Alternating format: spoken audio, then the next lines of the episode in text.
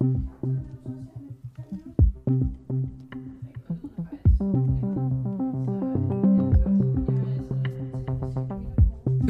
til en uafhængig morgen med Camilla Boraki.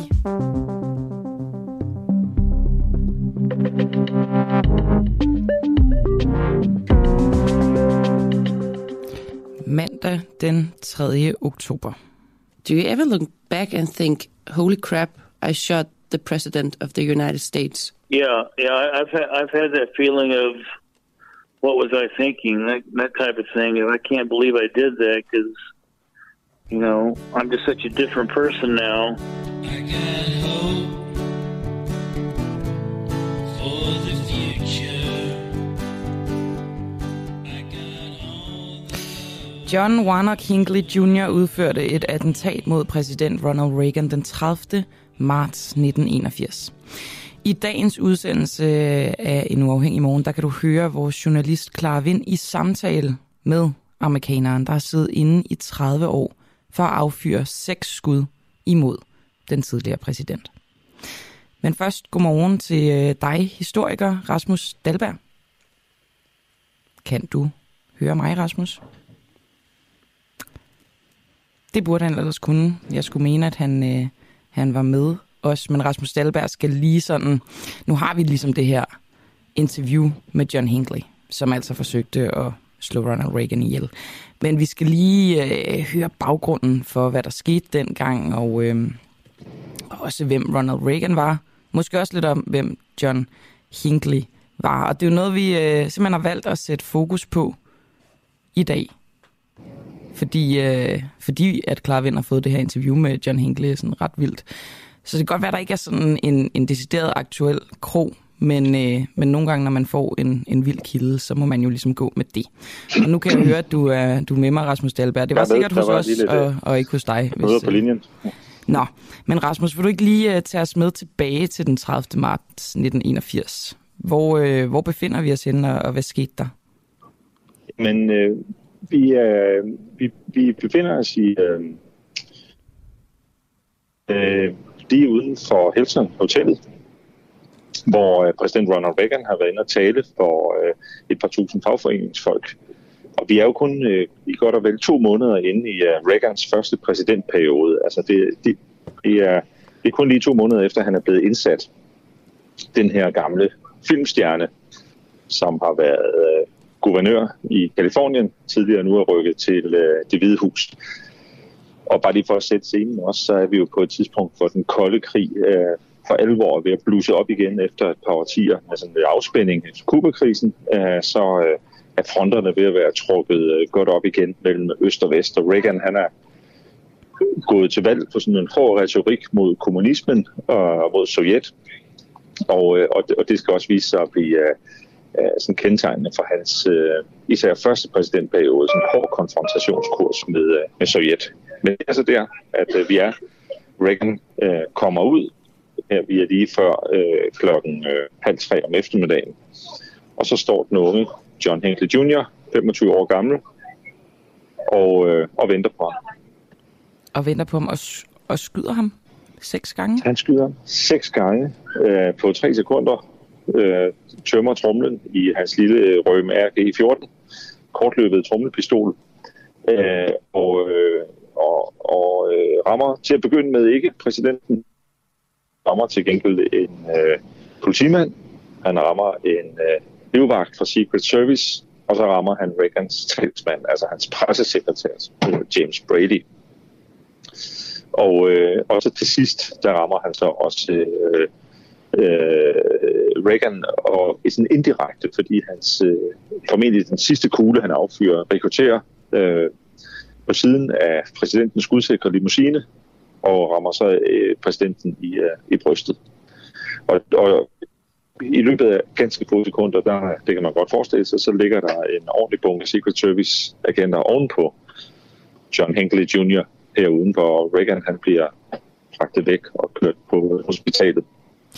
Når, når du uddyber det her og fortæller, hvem der ellers øh, blev ramt, og hvordan øh, Reagan han selv blev ramt, så giver det lidt mere mening, Rasmus Dahlberg, fordi jeg kunne ikke lade være med at tænke på, hmm, det var ikke første gang USA de oplevede et attentat på en præsident, og endda med fatale følger, når vi snakker John F. Kennedy. Så, så Ja, der, jeg der er fire, også sådan, fire, hvordan, hvordan der, kunne ja, det der er fire amerikanske præsidenter, der er blevet myrdet i embedet. Ikke? Præcis, så, så derfor så tænkte jeg, hvordan, kunne, altså, hvordan kan man overhovedet have mulighed for at ramme en amerikansk præsident, når de nu har den historik, de har? Ja, men det er jo altid en, øh, et trade-off. Altså, I selvfølgelig blev øh, holdt man ligesom op med at køre i åben bil efter øh, John F. Kennedy øh, øh, attentatet i, øh, i 63. Men en præsident er jo også nødt til at komme ud og møde folket en gang imellem. Og han går lige ud, så vidt jeg husker, er det fra parkeringskælderen på, på Hilton og ud, og så vinker han til folk. Der findes billeder af Reagan, der er taget lige et sekund eller to, før skuddene falder. Og han går og vinker til, til, øh, til folk udenfor, og han er omgivet af politifolk og Secret servicefolk, Men alligevel lykkes det altså øh, John Hinckley Jr. at, at komme frem i forreste række og trække sit våben. Rasmus, jeg tænker lige, at øh, jeg vil spille for dig og lytterne et klip, hvor øh, John Hinckley han selv fortæller, og det er altså kun et par dage siden, han fortæller til Clara Vind øh, mm. om selve dagen. I was at a hotel in Washington D.C. and um, I happened to see the newspaper that morning, which gave the president's schedule for the day, and that's how I found found out where he was. I remember that much. Can you remember if you were scared that morning? No, I was not scared. Okay. Were you excited? Um, I can't say I was excited either. Just kind of, just kind of going through what I did. I, I, I didn't have a feeling of scared or excitement. I just took a cab. He was going to be at the Washington Hilton that day, giving a speech, I believe, and um, I took a cab up to the Washington Hilton from my hotel. Um, and waited, you know, for him, for him to come out of the hotel. And That's what happened. So you see him outside of the hotel, and I mean, it's the president of the United States. What what went through your mind when you saw him getting out of the hotel or uh, in front of the hotel, and you were there and ready? I can't I can't remember exactly what I was thinking at the time. Um, it was just you know, um, just I remember standing there waiting for him to come out, but I can't really get, let you know what I was thinking at the time because I just can't remember. I probably had breakfast at some point that morning, but uh, I don't even remember that. No. Do you think it's because it's is it because you forgot or is it because it was such a sorry for the word but crazy day? Well, it was a combination of just it being so long ago. That, you know, I don't think anybody can remember 40 years ago what they were, you know, going doing doing a minute by minute thing of Of uh, such a day. But you know, I just can't remember because it was so long ago. Can you remember what happened after you shot him? The days after? Well, I was arrested and taken to. Um, I was taken to um, Quantico, Quantico, Virginia, to the Marine base where I was held there at their brig for a couple of days. And how did they treat you? I mean, you just shot they the... be fine. Okay, so no one was mad about you shooting the president. Well, I don't know if they're mad or not, but they, they you know, they treated me just fine. I have no, I have no complaints. Okay. And you also what can you remember your first night in detention? Um, sort of. It was just the I had the light on me. I remember having a light on me all night long and not really getting hardly any sleep that night because there was just a lot of noise and commotion going on. Did you regret shooting him in the first couple of days or nights? Um, I probably did. I can't remember exactly my thinking then, but uh, I'm sure I did it. You remember the the moment you shot him? No, I can't. I don't remember that. Rasmus Dahlberg, øh, historiker. Øh, er der noget, der overrasker dig i det her? Der er jo en del, som, øh, som John Hinckley Jr. han ikke kan huske. Mm. Øh, men, men er der noget i det, han fortæller her, som, øh, som øh, hvad skal man sige, uddyber det, som vi i forvejen ved historisk? Øh, nej, altså det, det, øh, det, det er vel ikke usædvanligt, at man ikke husker ret meget fra gerningsøjeblikket, hvis man har været øh, involveret- øh, udført en sådan øh, voldsom handling som det her. Og nu var han jo også, øh, det mente retten jo i hvert fald, øh, Bims dengang. Altså han fik jo en behandlingsdom øh, og, og var blevet øh, vurderet øh, ikke egnet til almindelig straf, men blev øh, indsat i øh, på en forvaringsdom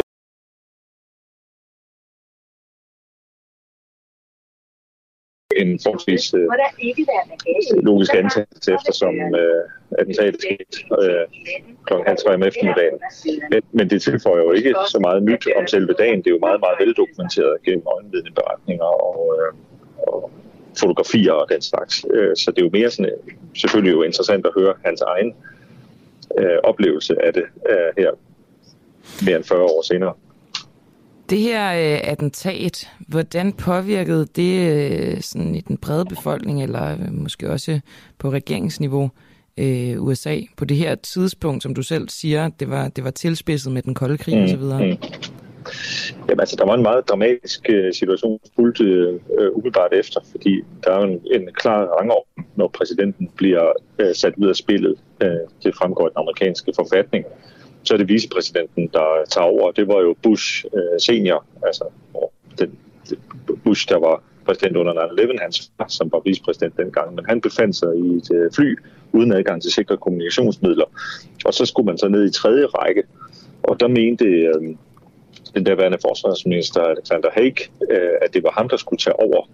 Men det var det øh, faktisk øh, øh, ikke. Nej, undskyld, han var øh, udenrigsminister på det her tidspunkt. Øh, han mente, han skulle tage over, men det er i virkeligheden forsvarsministeren, der tager over ifølge forfatningen. Så der var sådan næsten til, øh, hvad der kunne tolkes som et, øh, i praksis et lille militærkup, øh, eller et statskup på det tidspunkt, fordi øh, der er sådan lidt forvirring om, hvem det er, der egentlig har den eksekutive øh, magt i det hvide hus, altså fordi de sidder nede i situationsrummet med øh, forsvarsminister Cap Weinberger, og så ser de, at Alexander Haig han står på talerstolen i øh, presserummet i det hvide hus og siger, at det er ham, der har taget over efter præsidenten. Og det er jo klart, at i en spændt situation øh, med, øh, med høj øh, skal man sige, øh, spænding mellem supermagterne, der er det ikke usikkerhed om, hvem der bestemmer i USA, øh, man er interesseret i. På den større bane, der bidrager det jo egentlig til øh, Reagans popularitet, øh, blandt andet fordi han jo, da han bliver øh, skal jeg ikke sige, ja, bedøvelse efterfølgende for at få opereret øh, det her skudsår, så siger han jo de berømte ord til øh, lægerne. Jeg håber virkelig, øh, at øh, you guys are Republicans. han var jo kendt for en øh, vittig bemærkning i nyerne. Okay, og øhm, det skal selvfølgelig også lige siges, at Ronald Reagan, til dem, der ikke ved det, han døde ikke af det her.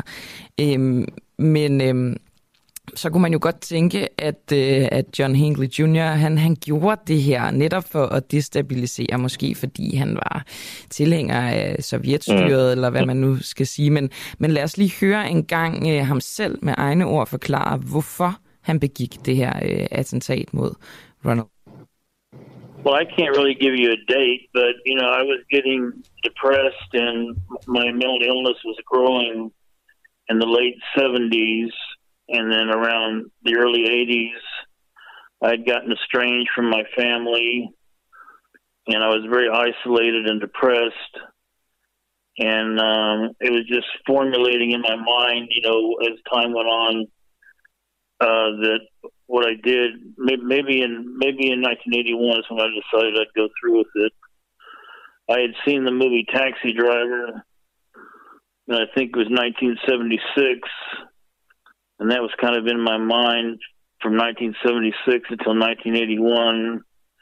That movie was just kind of always there with me, and um, it's kind of partially what led me to do what I did. Yeah, as I understood, uh, it was because you created an obsession with Jodie Foster. Um, yes, that's true. Did you think of any other ways that you could do that, and besides shooting him? Um, I may have at the time. I can't tell you now because I can't remember if I did. but I may have. I just, um, you know, I just I just went ahead with that one scenario that I had in my mind. And did you have anything personally against Ronald Reagan before shooting him? No, I did not. I thought he was, I thought he was a fine man. And um, for how long did you plan this day that you shot him?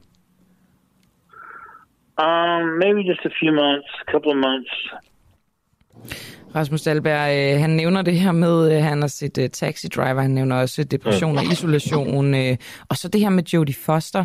Jeg ved ikke, om øh, de historiske kilder og dokumenter, de, øh, de husker lidt bedre end John Hinckley Jr. her, som til dem, der måske lige har hoppet på, øh, var manden, der skød Ronald Reagan. Øh, hvad ved man om hans motiv? Jamen, altså, det er fuldstændig rigtigt, som han siger. Altså, han stalkede Jodie Foster i Filmen kommer i 76, uh, øh, Taxi Driver med, med Robert De Niro, og det der Robert De Niro planlægger et attentat mod den amerikanske præsident i filmen. Uh, og det er det, han, man mener, han bliver uh, inspireret af, og så uh, og han, han sender digte og uh, masser af breve til Jodie Foster. Og, uh, og han har også, har man dokumenteret faktisk, uh, lagt planer om at komme på skudhold af den tidligere præsident, altså Jimmy Carter, som er præsident frem til, øh, til, øh, til starten af 81, øh, før Reagan. Så, så som han også siger i interviewet her, at han, han havde jo ikke noget personligt mod Ronald Reagan, og der var ikke noget politisk statement i det her. Det kunne i teorien for så vidt lige så godt have været Jimmy Carter, som var blevet udsat for, øh, for attentatet, fordi det hele handlede om at imponere Jodie Foster og få hendes øh, opmærksomhed. Og det er jo øh, bemærkelsesværdigt, og måske også så meget desto mere peger på, at han jo nok ikke var helt normal op i hovedet. Fik han en øh, almindelig fængselsdom eller en forvaringsdom, hvor han... Han fik en, han fik en, øh, en forvaringsdom, øh, og, øh, og det betyder også, at da ham her, øh, pressetalsmanden James Brady, som han sårer, han skyder ham i hovedet, og Brady bliver, bliver lam og sidder i, i kørestol, øh, fortsætter rent faktisk som, øh, som øh, press secretary for Reagan fra i hele Reagans to præsidentperioder, uden at være i stand til at udføre arbejdet. Det er der nogle andre, der gør for ham, men formelt set så er han stadigvæk pressetalsmand frem til 88. Han, øh, han dør i 2014, og der vurderer en, en dommer så, at det var, øh, at det var et øh, drab. Altså det henføres til attentatforsøget, men det ændrer faktisk ikke på John Hanke Jr.'s øh, straf, fordi han er allerede øh, ikke fængslet, men under forvaring. Og så bliver han så nogle år senere, jeg tror det er 2016, vurderet rask nok øh, til, at han nu kan hvad skal man sige, overgå til almindelig straf, og det betyder, at han også får mulighed for at blive prøveløsladt og, og kommer ud her øh, øh, og er helt øh, fuldstændig fri mand i øh, sidste år. Helt kort til sidst, Rasmus Dahlberg. Øh, hvilken øh, diagnose gav man ham? Øh, jamen, øh, det er jeg faktisk ikke helt inde i. Jeg tror, han er, simpelthen bare øh, altså, øh, sindsforstyrret ung mand, mm. øh, og øh, jeg ved ikke, hvad man kaldte det dengang, men øh, det er i hvert fald nok til, at han øh, kommer i for, tidsubestemt forvaring. Så det er jo, han er jo sådan en øh, typisk øh, stalker, der går hele vejen øh, og, og, og mister fuldstændig jordforbindelsen øh, i sit fokus på at, at opnå Jodie Fosters øh, opmærksomhed og anerkendelse. Det lykkedes jo så des, desværre ikke for ham. Tusind tak for det, Rasmus Dahlberg. Det var så lidt. Som altså er historiker. Vi fortsætter ned af det her spor med Ronald Reagan og John Hinckley Jr., som altså øh, udførte et attentat på den øh, amerikanske præsident. Nu skal vi videre til øh, en Ronald Reagan fan, tror jeg godt, man kan kalde, kalde ham. Rimelig, øh, rimelig sikkert. Øh, Søren Pind, som er tidligere justitsminister og venstremand og formand for det danske Ronald Reagan selskab. Øhm, han, øh, han har også nogle tanker om John Hinckley og om, øhm, om også interessant at høre, om ham her John Hinckley er en, som Søren Pind ville være interesseret i at møde, nu når han er på, på fe fod, eller om han er bare en, som han foragter. Lad os lige høre, hvad, hvad Søren Pind han, øh, han sagde om John Hinckley. Jeg har været i 12 år. Øhm, ja, det var det i øh, 81 eller sådan noget. Mm. Kan, kan du huske dagen, da det skete? Øh, jeg kan ikke huske dagen, og det er for så vidt ikke... Altså, jeg kan godt huske, at der kom meddelelser om, det var sket. Det kan jeg godt huske. Mm. Men, men det, man skal huske dengang, det var, at det blev meget nedspillet, hvor alvorligt det var. Altså, øh, den sande historie om, at han var ved at dø og sådan noget, den, den blev først fortalt noget senere. Hvordan blev det fremstillet først? Jamen, der var sket en attentat, og man havde fået fat i attentatmanden, og at han var på hospitalet, men at øh, man regnede med, at han ville komme sig. Øhm, kan du huske dengang, da navnet kom ud, hvem det var, der havde skudt ham?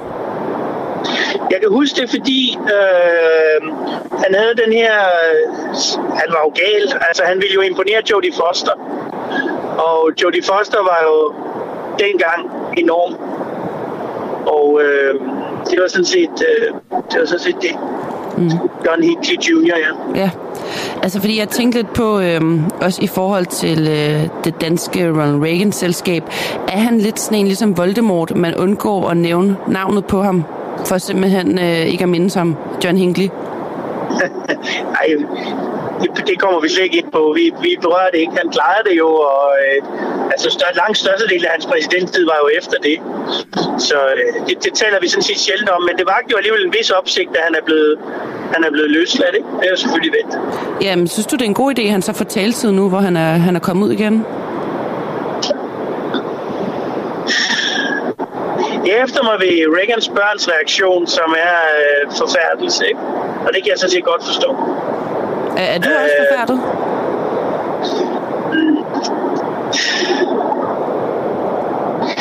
Ja, hvordan håndterer man sådan noget? Jeg, jeg blev selv stillet over for, at Konevski skulle løslades i sin tid. Det sagde jeg, det vil jeg ikke være med til. Øh, Palle Sørensen blev i sin tid sluppet fri af Frank Jensen, da han var justitsminister. Det ville jeg nok heller ikke have gjort. Så jeg synes, det er lidt svært, altså... Øh, hvordan man lige forholder sig til det. Jeg tror, jeg tror, det er vanskeligt at forholde sig til, hvis ikke man selv har ansvaret for at træffe beslutningen. Mm. Øh, på et eller andet tidspunkt, så, så hvis ikke det har noget formål at holde folk inde bag trammer, så skal man jo heller ikke gøre det. Man skal ikke bare gøre det for hævn. Han, han fortæller for eksempel i interviewet, at øh, nu forfølger han en øh, musikalsk karriere og prøver at komme ud og optræde, hvor han øh, både spiller guitar og synger, men han bliver øh, cancelled mange af de steder, han så stiller op. Synes du, at han skal have lov til at ud og optræde og blive en del af folkemængden på den måde igen? Det er jo mere sådan en konsekvens, kan man sige. Hvis man har løsladt folk, så skal de jo resocialiseres på den ene eller på den anden måde. Men du er ikke sådan, altså det lyder alligevel som om, du er sådan lidt i tvivl om, at han har fået lov til at komme ud igen. Altså. Altså, hvis jeg har forstået det ret, så fik han en diagnose, hvor han var... Altså, øh, og jeg synes jo ikke, man... Altså, principielt mener jeg ikke, man skal straffe sindssyg. Men hvis igen man er far- til far for sine omgivelser, så skal man ikke gå frit rundt. Og det er jo det, diskussionen går på. at han stadig farlig, ikke? Ja, ja, ja han, er, han, går, han er jo ikke farlig mere, og han blev heller ikke erklæret sindssyg i tidspunktet, da han skød Reagan. Fordi som man jo også siger, øh, så var det næsten fuldstændig lige meget med, at det var øh, Reagan, han skød. Altså, han har aldrig tænkt på det rent politisk, eller øh, tænkt, at det var en statsmand, han skulle gå efter. Det var simpelthen, øh, som du selv siger, for øh, imponere Jodie Foster. Ja. Ja. Ja, altså, det, må, det må være op til strafsystemerne, det der. Jeg, jeg, jeg, jeg, jeg, jeg, jeg, synes bare, altså, jeg har det ikke behageligt med det, hvis det er det, du spørger om. Mm. Altså, jeg, det, jeg synes, at det er svært, det der. Sådan noget der. Han han planlægger en tur til Europa. Vil du godt møde ham, hvis han kom til Danmark? Nej, det, det har jeg ikke nogen interesse i. Altså øh, Søren Pind her, der er formand for det danske Ronald Reagan selskab om øh, John Hinckley Jr. Og øh, Hammer Klarvind er i den her øh, samtale jo inde på det her med, at John Hinckley Jr. han altså har afsonet en forvaringsdom altså en offentlig psykiatrisk facilitet. øh, Det gjorde han i Washington D.C., hvor han har været i mere end 35 år, og nu er han altså blevet løsladt. Og nu skal du høre et klip om, øh, hvor han fortæller om livet på den her psykiatriske facilitet. Og øh, John Hinckley, han fortæller også, hvordan han mødte kærligheden og stod for at passe katte på stedet. Og øh, efter at jeg har spillet det klip, så skal vi snakke med en autoriseret psykolog, som hedder Florence McLean, som skal kommentere på klippet og måske også på det her spørgsmål om, om man godt kan, øh, hvad skal man sige, efter 35 år, selvom man øh, har begået den her slags skærninger i, øh, i sindssyge, om man kan kureres for det.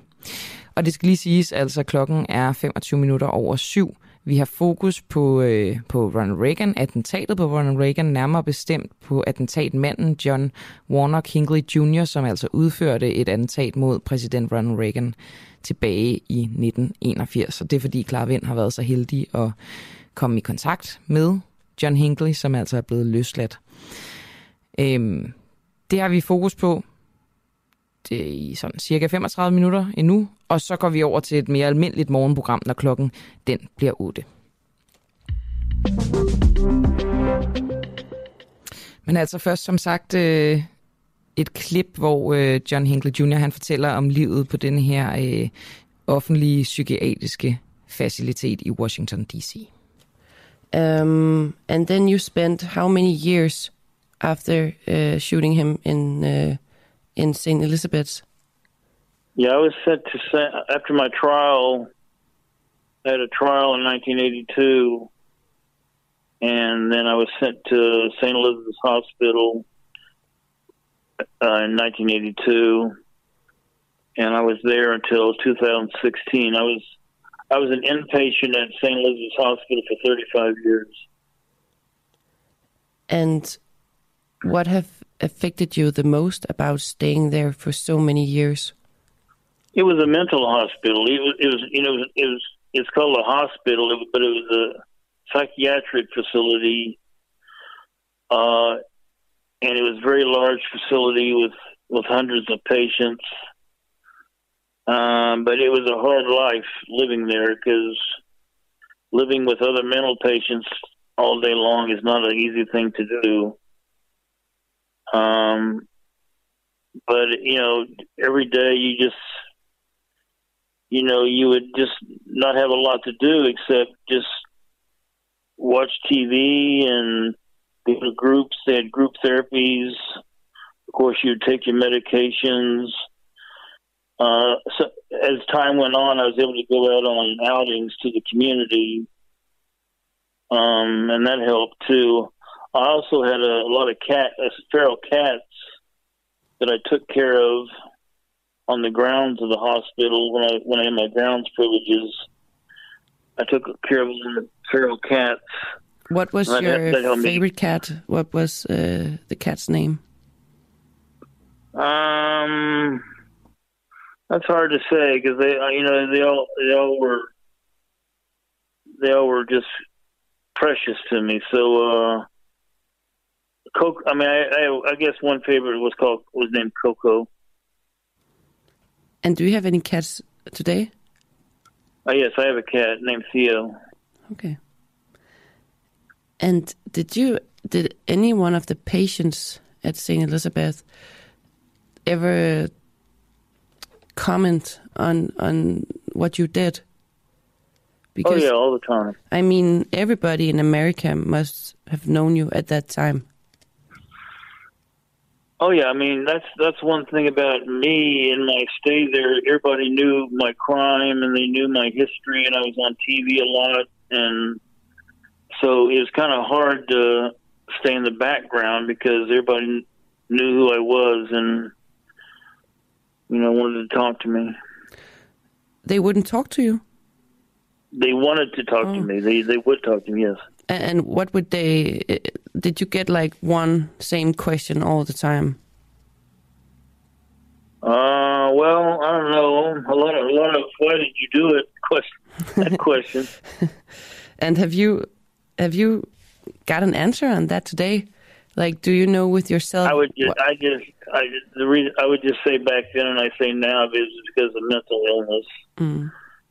I had a 22 year relationship with a woman there at the hospital, and she's the person who really got me well.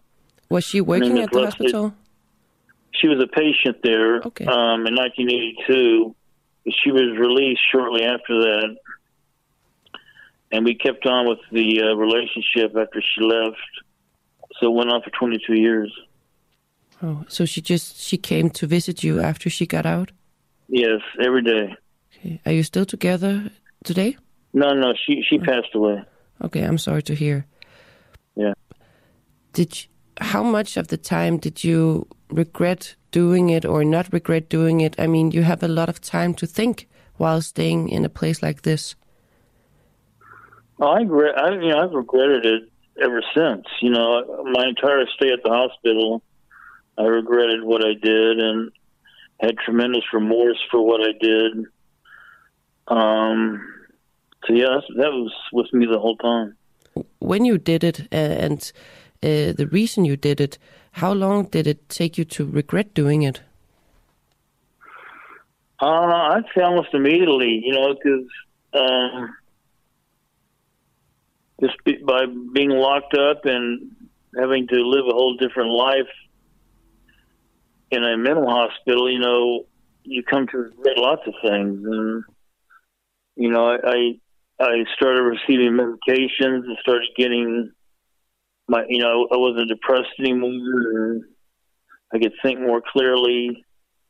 And yeah, I came to it very quickly afterwards. And what did your family? What, what was your family's reaction to this? Well, they were supportive of me the whole time, um, even from the day of the shooting till the end of their lives. My parents were totally supportive of me. Same with my brother and sister. Hmm. And do you sometimes look back, not to, you know, because it's it's such a big aspect of the history. Do you ever look back and think, "Holy crap! I shot the president of the United States"? Yeah, yeah, I, I've had I've had that feeling of what was I thinking, that that type of thing. And I can't believe I did that because, you know, I'm just such a different person now. I have a feeling now. Oh my God, what was I thinking back then? I just can't believe I did that. If you could give yourself, your younger self, an advice, looking back now, what would be like the most important thing that you would just take yourself and shove it into your head? Like, what would you say if you could meet your younger self? uh, don't get isolated like I did, and stay close to your family. I kind of pushed my family away, and that was, of course, not a good thing to do. Did you tell anyone about uh, that you wanted to shoot him before you did Not it? really, no, no. No. Her har vi altså John Hinckley Jr., som øh, er den mand, der begik et attentat på øh, USA's præsident Ronald Reagan tilbage i 1981. Og nu skal jeg tale med Florence McLean, som er øh, autoriseret psykolog, specialist i klinisk psykologi og psykoterapi. Og vi skal tale lidt om det her med hans sindstilstand. Øh, og efter 35 år, hvor man har været på sådan en øh, psykiatrisk facilitet, hvad, øh, hvad sker der med en? Kan man ændre sig? Kan man blive rask? Og så videre. Så måske jeg bare skal sige godmorgen til dig, Florence. Godmorgen. Ud fra hvad du øh, kan høre på båndet, lyder øh, John Hinckley Jr. så som en mand, som er klar til frihed, og som øh, ikke er til fare for at gøre noget lignende igen. Det er selvfølgelig rigtig svært at sige. Øh, sådan, altså jeg kender ham jo ikke og har ikke snakket med ham før, men han lyder faktisk som om, at han er medicineret. Og det siger han, det fortæller han også selv. Og det, jeg tænker, der er rigtig vigtigt, det er det her med, at han bliver ved med at indtage sin medicin. Og selvfølgelig overholder de ting, som han er blevet øh, pålagt omkring øh, ikke at indtage alkohol, holde sig fra, fra nogle af de her forskellige ting, også øh, på internettet og sådan nogle ting. Men det er svært at sige, men han lyder faktisk som om, han ikke rigtig har nogen sådan emotioner. Men det er svært at sige kun. Jeg har også hørt andre klip med ham. Han er jo blevet interviewet en del gange til, til medierne, efter han er blevet øh, sluppet fri igen. Det her med, at han er medicineret, hvis vi starter der, for det var også noget, jeg stussede Mm. over, at han lød på en eller anden måde sådan lidt mekanisk. Er det det, Ja. der får dig til at sådan, øh, altså nu, nu ved du det også som faktum, men, men er det også noget, der peger Ja. på, at han er på medicin? Ja, helt sikkert. Og det er jo noget af det, som man kan sige, han skulle være på nogle forskellige typer medicin. Jeg tror, det var to forskellige typer medicin, og noget af det er vist antipsykotisk, så vidt jeg har hørt øh, eller læst mig frem til. Og, og det gør selvfølgelig noget med ens emotionsregulering, øh, fordi den ligesom ligger lidt låg på, så der ikke er de her udsving. Og det er jo nok noget af det, man kunne være bekymret, eller jeg i hvert fald kunne være bekymret for, omkring øh, øh, sådan en som John Hinckley, det er netop det her med, hvis han kommer ud i de her øh, humørsvingninger. Han har jo, øh, øh eller er jo diagnostiseret med, med det, der hedder major depression, altså en øh, tilbagevendende depressionslidelse, sammen med, at han også har nogle personlighedsforstyrrelser og øh, noget øh, udefineret øh, skizofreni. Så han har altså nogle øh, øh, problematikker, som er vigtigt, at man får styr på medicinsk, og så har han selvfølgelig været i terapi i mange år, men terapi hjælper ikke nødvendigvis på de her forskellige lidelser, som han snakker om. Der skal der altså medicin til. Er det normalt med øh, behandlingsdomme, at man bliver løsladt øh, på medicin? Nu siger du, at man ikke kan kurere det med terapi, men jeg tænker bare, at det er vel på en eller anden måde en lille bitte smule sårbart, at det er medicinen, der forhindrer en i at altså, være i en sindstilstand, hvor man potentielt kan begå øh, forbrydelser af den her art. Ja, altså terapi alene gør det ikke. Det er klart, at terapi er jo selvfølgelig også vigtigt, men det skal være sammen med også medicinsk behandling, når man har nogle øh, lidelser, som er så svære. Og ja, det er faktisk rigtig øh, almindeligt, at man ligesom bliver pålagt at tage den her medicin her.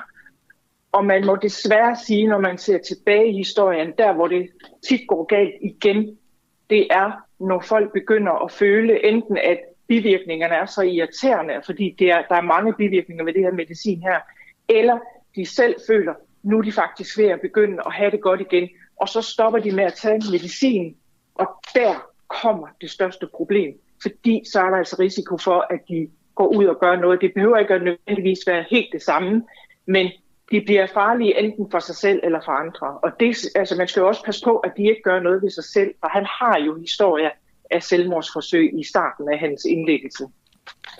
Hvis vi nu øh, går tilbage til hans motivation for det her attentat, øh, det var jo den her besættelse af skuespilleren Jodie Foster. Hvordan ja. opstår sådan en besættelse af et andet menneske, og et, af et menneske på afstand? Altså det ser man øh, rigtig tit, at øh, de her besættelser af andre mennesker på afstand, også nogle gange er det nogen, der er tæt på. Og det, det handler om, det er, at folk et eller andet, altså dem, som gør de her ting, de får jo ikke rigtig set, hvad det her handler om. Altså der er alt, hvad de, alt, hvad de gør, der reagerer de ud fra dem selv og deres eget behov. Og der er jo for eksempel en historie i John Hinckley, hvor han faktisk har ret svært ved at finde ud af, hvem han selv er.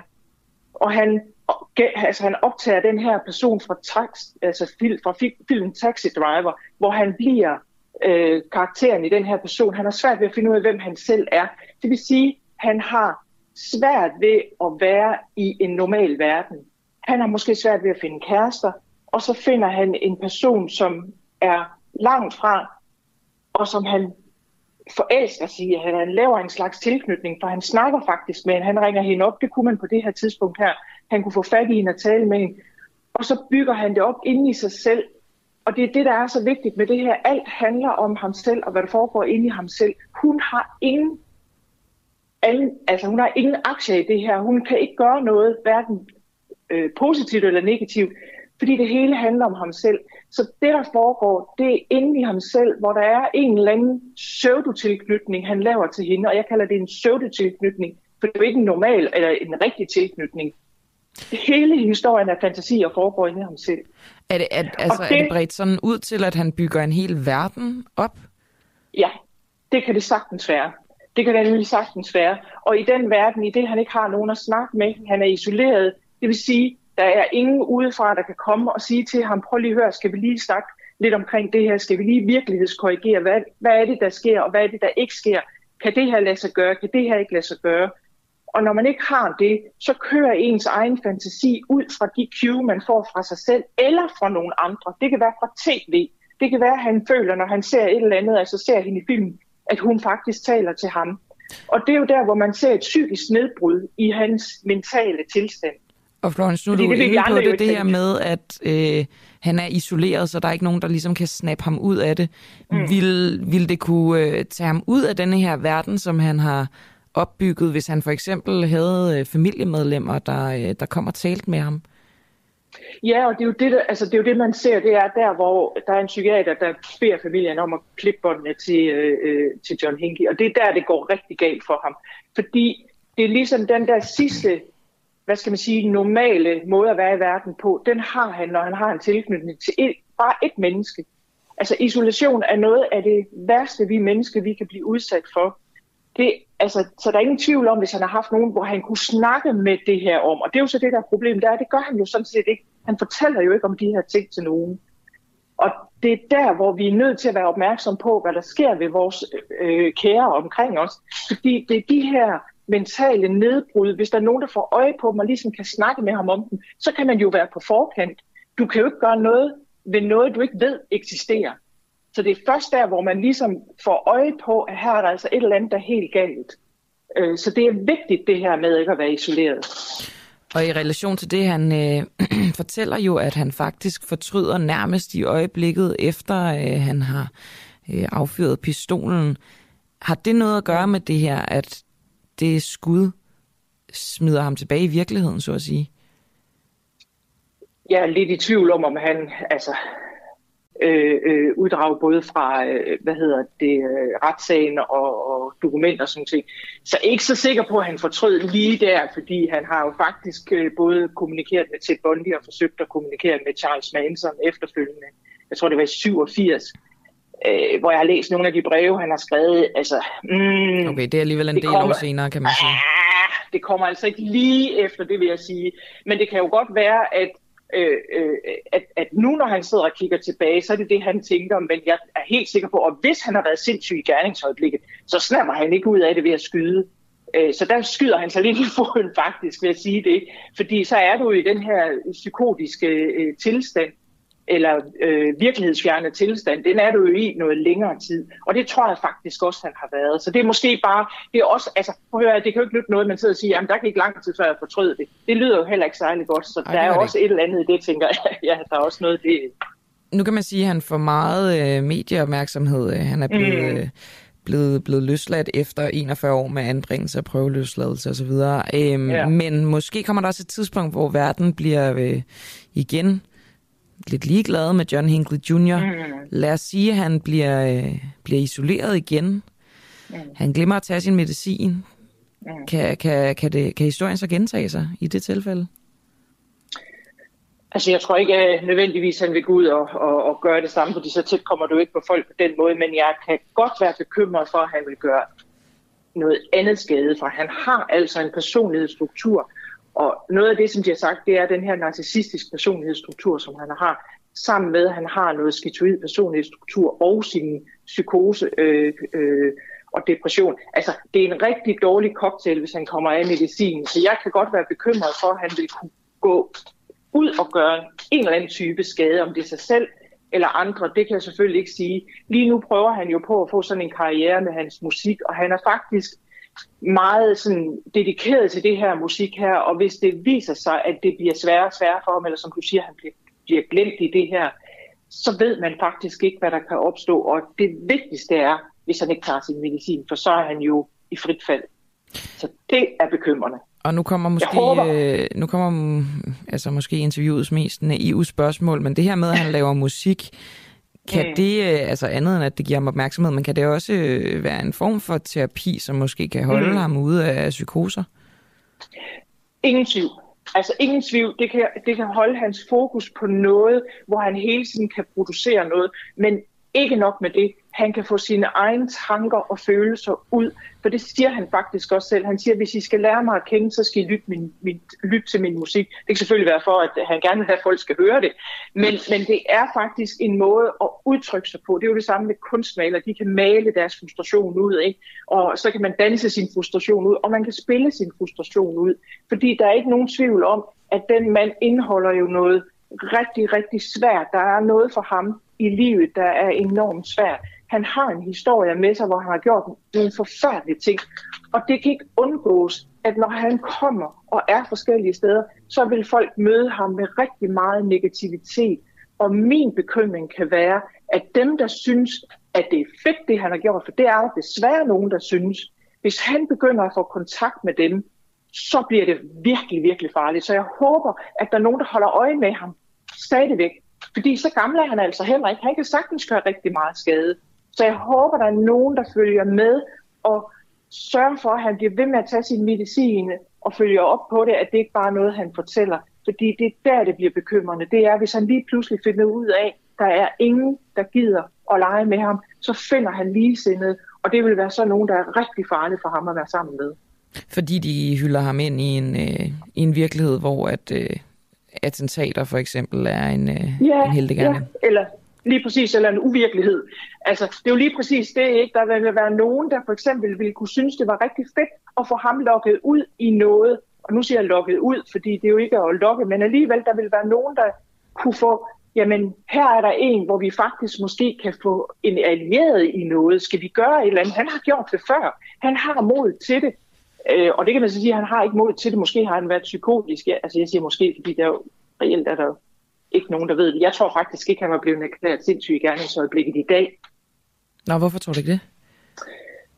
Vi har en anden tid, øh, og der er altså også nogle ting, øh, hvor jeg tænker, hmm, der var meget lang planlæggende. Nu, nu skal man huske at sige, når man taler om det i forhold til øh, retten, så er det altså ikke det samme, som man ikke kan være psykotisk. Altså sådan en som et kæmper, som slog øh, en hel del øh, kvinder ihjel og sine bedsteforældre. Han havde faktisk en skizofren personlighedsforstyrrelse, men blev aldrig erklæret skizofren, fordi det var han ikke i gerningsøjeblikket, blandt andet fordi han havde mulighed, eller han kunne planlægge. Og jeg mener, at det er faktisk to måneder før attentatet, at øh, John Hinckley han øh, planlægger det her. Plus han stalker jo også først øh, præsident Carter, øh, og stalker selvfølgelig også Jodie Foster, og så ender det med at blive Ronald Reagan. Så det er sådan, det, det er ikke bare lige noget, han finder på i en, et psykotisk vanvid. Men altså igen, det er jo for mig at se, altså for, for, for mit vedkommende, der er det hypotetisk, for jeg har jo ikke set alle de her papirer, men der er i hvert fald noget i det her, hvor jeg tænker, hmm, jeg tror ikke, den der, den var gået i dag. Det tror jeg simpelthen ikke. Tusind tak for det, Florence McLean. Velbekomme. Autoriseret øh, psykolog, specialist i klinisk psykologi og øh, psykoterapi. Og nu skal vi faktisk øh, hen til det her, som Florence hun også nævner med, at, øh, at John Hinckley Jr. han jo har en slags musikkarriere. Og øh, til at snakke om det, skal jeg tale med Henrik Kvitsch, som er musikanmelder og vært på podcasten Rockhistorie sammen med Claus Lyngård.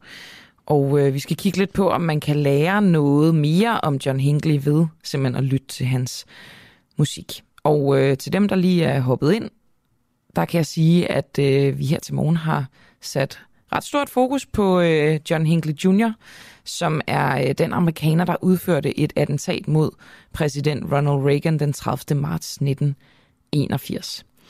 Og øh, det er jo selvfølgelig det, som han er mest kendt for, John Hinckley, men øh, han er altså også musiker og klar vind her på Den Uafhængige. Jeg har jo talt med John Hinckley, og øh, det er derfor, vi også har sat fokus på det, men jo også fordi det er relevant. Altså, da jeg talte med Florence her, så kunne jeg jo ikke lade være med at tænke på, øh, på skyderiet i, i Fields, hvor vi også havde at gøre med en, en ung mand, som var i høj grad isoleret, og det er jo egentlig lidt det samme, som, øh, som der skete for John Hinckley.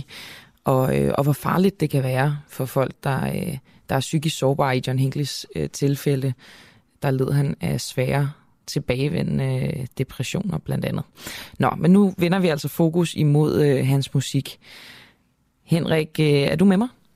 Ja, jeg er med dig, ja. God morgen. Vil du ikke udtale dit Godmorgen. efternavn? Det øh, har en lille Jo, smule med. Kreitsch. Kreitsch. Men du er ikke, du er ikke den første. Så Det kunne jeg forestille mig. Ja, ja, ja. Øhm, du er musikanmelder vært på podcasten Rockhistorier med øh, Claus Lyngård, og øhm, måske vi lige skal starte med at høre en lille smule af John Hinckley's musik. Det kunne jeg godt tænke mig at, øh, at spille for lytteren. Bare en lille bid. Kan du hænge på? Jeg hænger på, ja. Det er godt.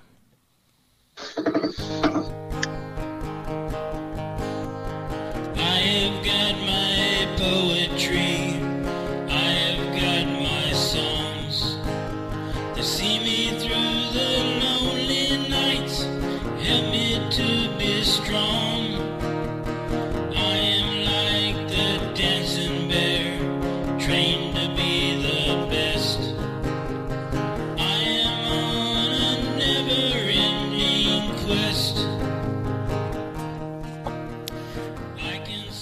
Never ending øh, quest her med altså John Hinckley. Øh, Er der noget, Henrik, som du øh, hæfter dig særligt ved? Nej, altså jeg øh, gik jo ind, jeg gik, jeg gik jo ind på den, jeg gik ind på den præmis, øh, som da jeg ringede op i fredagsbollen med, altså udtalelsen var, hvad, hvis man vil vide noget om mig, så skal man bare høre min musik, så jeg har ikke gået ind og googlet alt muligt, altså jeg har ligesom bare taget musikken for musikkens skyld. Klart. Og hvad, Og- hvad, hvad Og lad mig sige, lad mig sige hvis, hvis, hvis han ikke havde lavet et attentat på en præsident engang, så havde vi aldrig siddet og snakket om det her musik øh, nu. Fordi det er, at det første ordinære, eller ord, der falder mig ind, det er ordinær og banal. Okay. Øh, altså, jeg tror, i en hver mindre amerikansk provinsby vil du kunne finde en ensom middelalderen mand, der sidder og laver musik, der ligner det her. Øhm, der er ikke særlig meget godt. Altså, musikalsk er det meget banalt skruet sammen. Tekstmæssigt er det måske endnu mere uopfindsomt skruet sammen. Og, og så er det måske først og fremmest et, et, altså lidt et, et, et råb om hjælp. Altså, alle sangene, du Never Ending Quest, har du lige svaret, Everything's Gonna Be Alright, og der er en anden sang, der hedder Just Looking for Shelter, Hope for the Future, osv. Det er sådan en mand, der ligesom prøver at overbevise lytteren, men skal primært så stille om, at det skal nok blive bedre, kammerat. Øh, uden at han måske egentlig selv helt tror på det.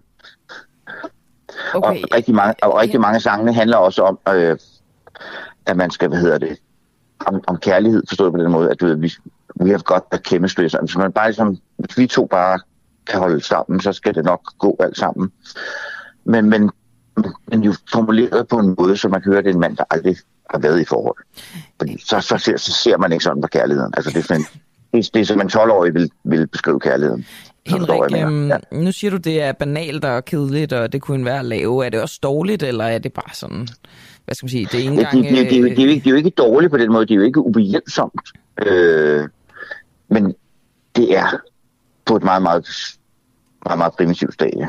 Øh, noget på den måde, det er, du ved, det er sådan noget to-tre akkorders musik, og det kan der jo være komme rigtig, rigtig god musik af, hvis man kan finde ud af lige at lave et eller andet twist, eller du ved, en anden, uh, eller en vending øh, rent øh, verbalt, eller et eller andet, hvor man tænker, altså, countrymusik er jo tit meget enkelt, men der kan jo komme rigtig mange gode ting ud af det, fordi der er rigtig mange dygtige tekstforfattere på i, i countrymusik, men det er simpelthen ikke tilfældet her.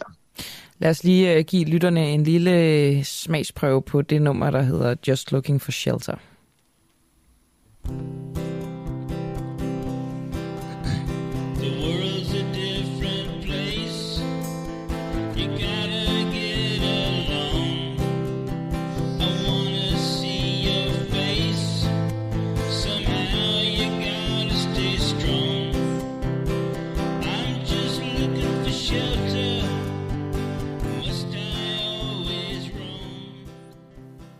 Okay, jeg, jeg hører, hvad du siger, Henrik, det her med, at det er, det er Ja. ganske banalt, altså det er rimende Yes, og, også, og det er så også sige. meget primitivt optaget osv., men, det, men det, det kan jo også have sin rustikke charme og så videre, men, men altså, man kan jo også se, nu har jeg siddet og lyttet ind på Spotify, det er jo ikke fordi lyttertallene er kæmpe store øh, for musikken mildt. Øh, Det kunne det jo ellers godt være, altså Ja, øh, nu Ja, der var en anden, altså, når det, det er nummer, du lige har spillet og nu, det har, kan jeg se i skrivende stund 6.809 lytter. Det er altså ikke meget på Spotify, når man kommer ud worldwide.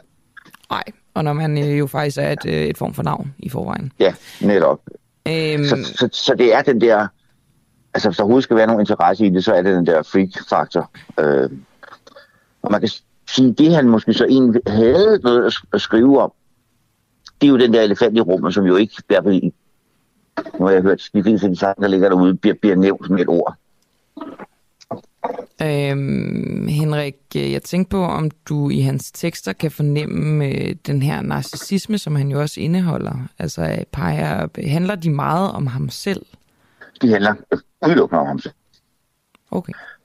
Øh, hvad hedder det, altså også når han altså, skriver om, om, om fremtiden, og den skal nok blive bedre, du ved, når man hedder Darkest at Night, og man, der kommer altid en dawn, øh, altså en, en, en morgen og så videre. Men det er sådan, det er på den her måde, det, ja, det handler om ham selv, og, og han skal nok få det bedre. Altså det det, det, det, det hele handler om, det er at prøve at overbevise sig selv om, at det skal nok blive godt en dag. Alright, jamen øh, en, øh, en ganske nådesløs øh, anmeldelse for dig, Henrik. Kitsch, var det det? Var det sådan noget, sagde? ja. ja. Åh, for pokker men, det. Nå, men, det skal, det skal nok, men, men, men, men en, en mand, som, altså hvis, vi vil aldrig sidde og snakke om hans musik, hvis det ikke var på grund af det andet. Så lad, os, øh, så lad os holde op med det med det samme. Du Ja. er musikanmelder og vært på podcasten Rockhistorie. Tusind tak, fordi du var med. Selv tak. Og med det, der siger vi øh, farvel til John Hinckley Jr., altså manden, som øh, nu er blevet løsladt, øh, efter han øh, i 1981 begik et attentat mod den daværende præsident Ronald Reagan. Og altså lige her til sidst, der rundede vi hans, øh, hans banale udgivelser, musikudgivelser, men altså øh, hvis vi skal øh, lytte til en psykolog, som jeg talte med tidligere, så er det noget, han meget gerne må blive ved med at lave, fordi det er også noget, der kan flytte hans fokus væk og altså gøre ham, øh, hvad skal man sige, mere stabil psykisk.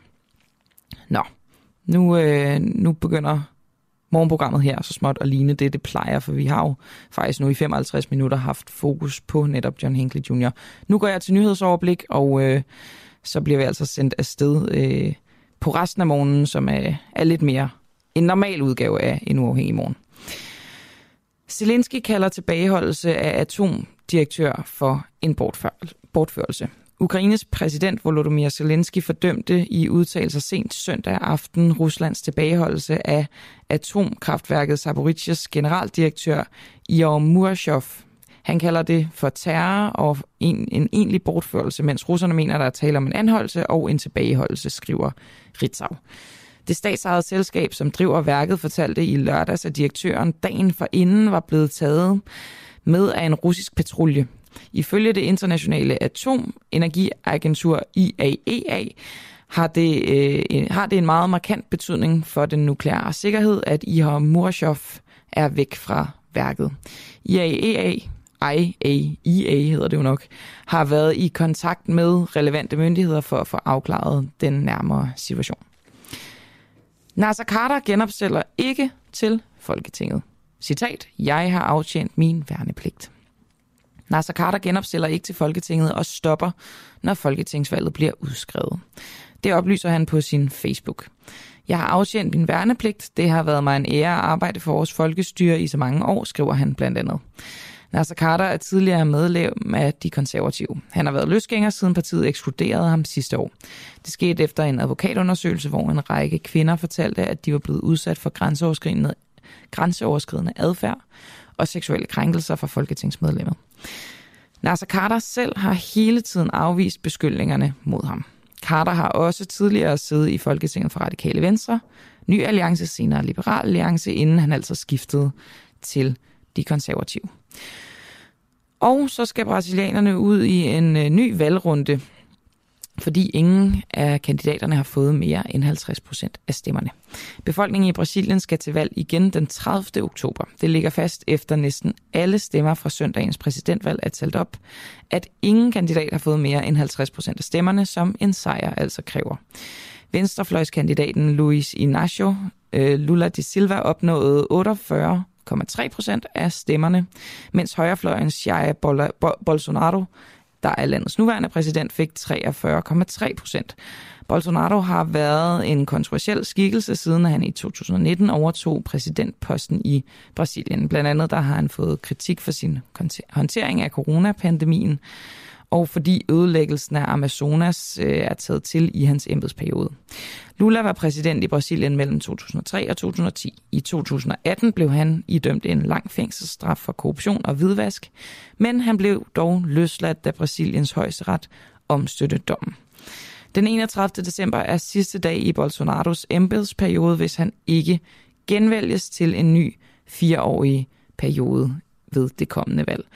Og så kan jeg lige nå en sidste nyhed. Øh, ny rapport advarer om et nyt jerntæppe gennem Europa. En ny rapport fra regeringens sikkerhedspolitiske analysegruppe advarer om et potentielt nyt jerntæppe gennem Europa. Derfor kommer Danmark ifølge analysegruppen ikke uden om citat at øge sit bidrag øh, til vestens forsvar mod Rusland. Derudover advarer rapporten om truslen fra hybridkrig, fifleri med vandhandlinger, korruption og målrettede cyberangreb. Og det er jo interessant det her, fordi der allerede er blevet afsat ekstra penge til, øh, til forsvaret Spørgsmålet er, om der er råd til og vilje, politisk vilje til at øh, sætte endnu flere penge af til, øh, til forsvar mod Rusland. Det, øh, det skal blive interessant at se, om den her rapport den, øh, også får indflydelse på den kommende valgkamp, vi står over for, om det er noget, der vil blive et tema, altså hvem der er villige til at sætte hvor meget af til dansk forsvar.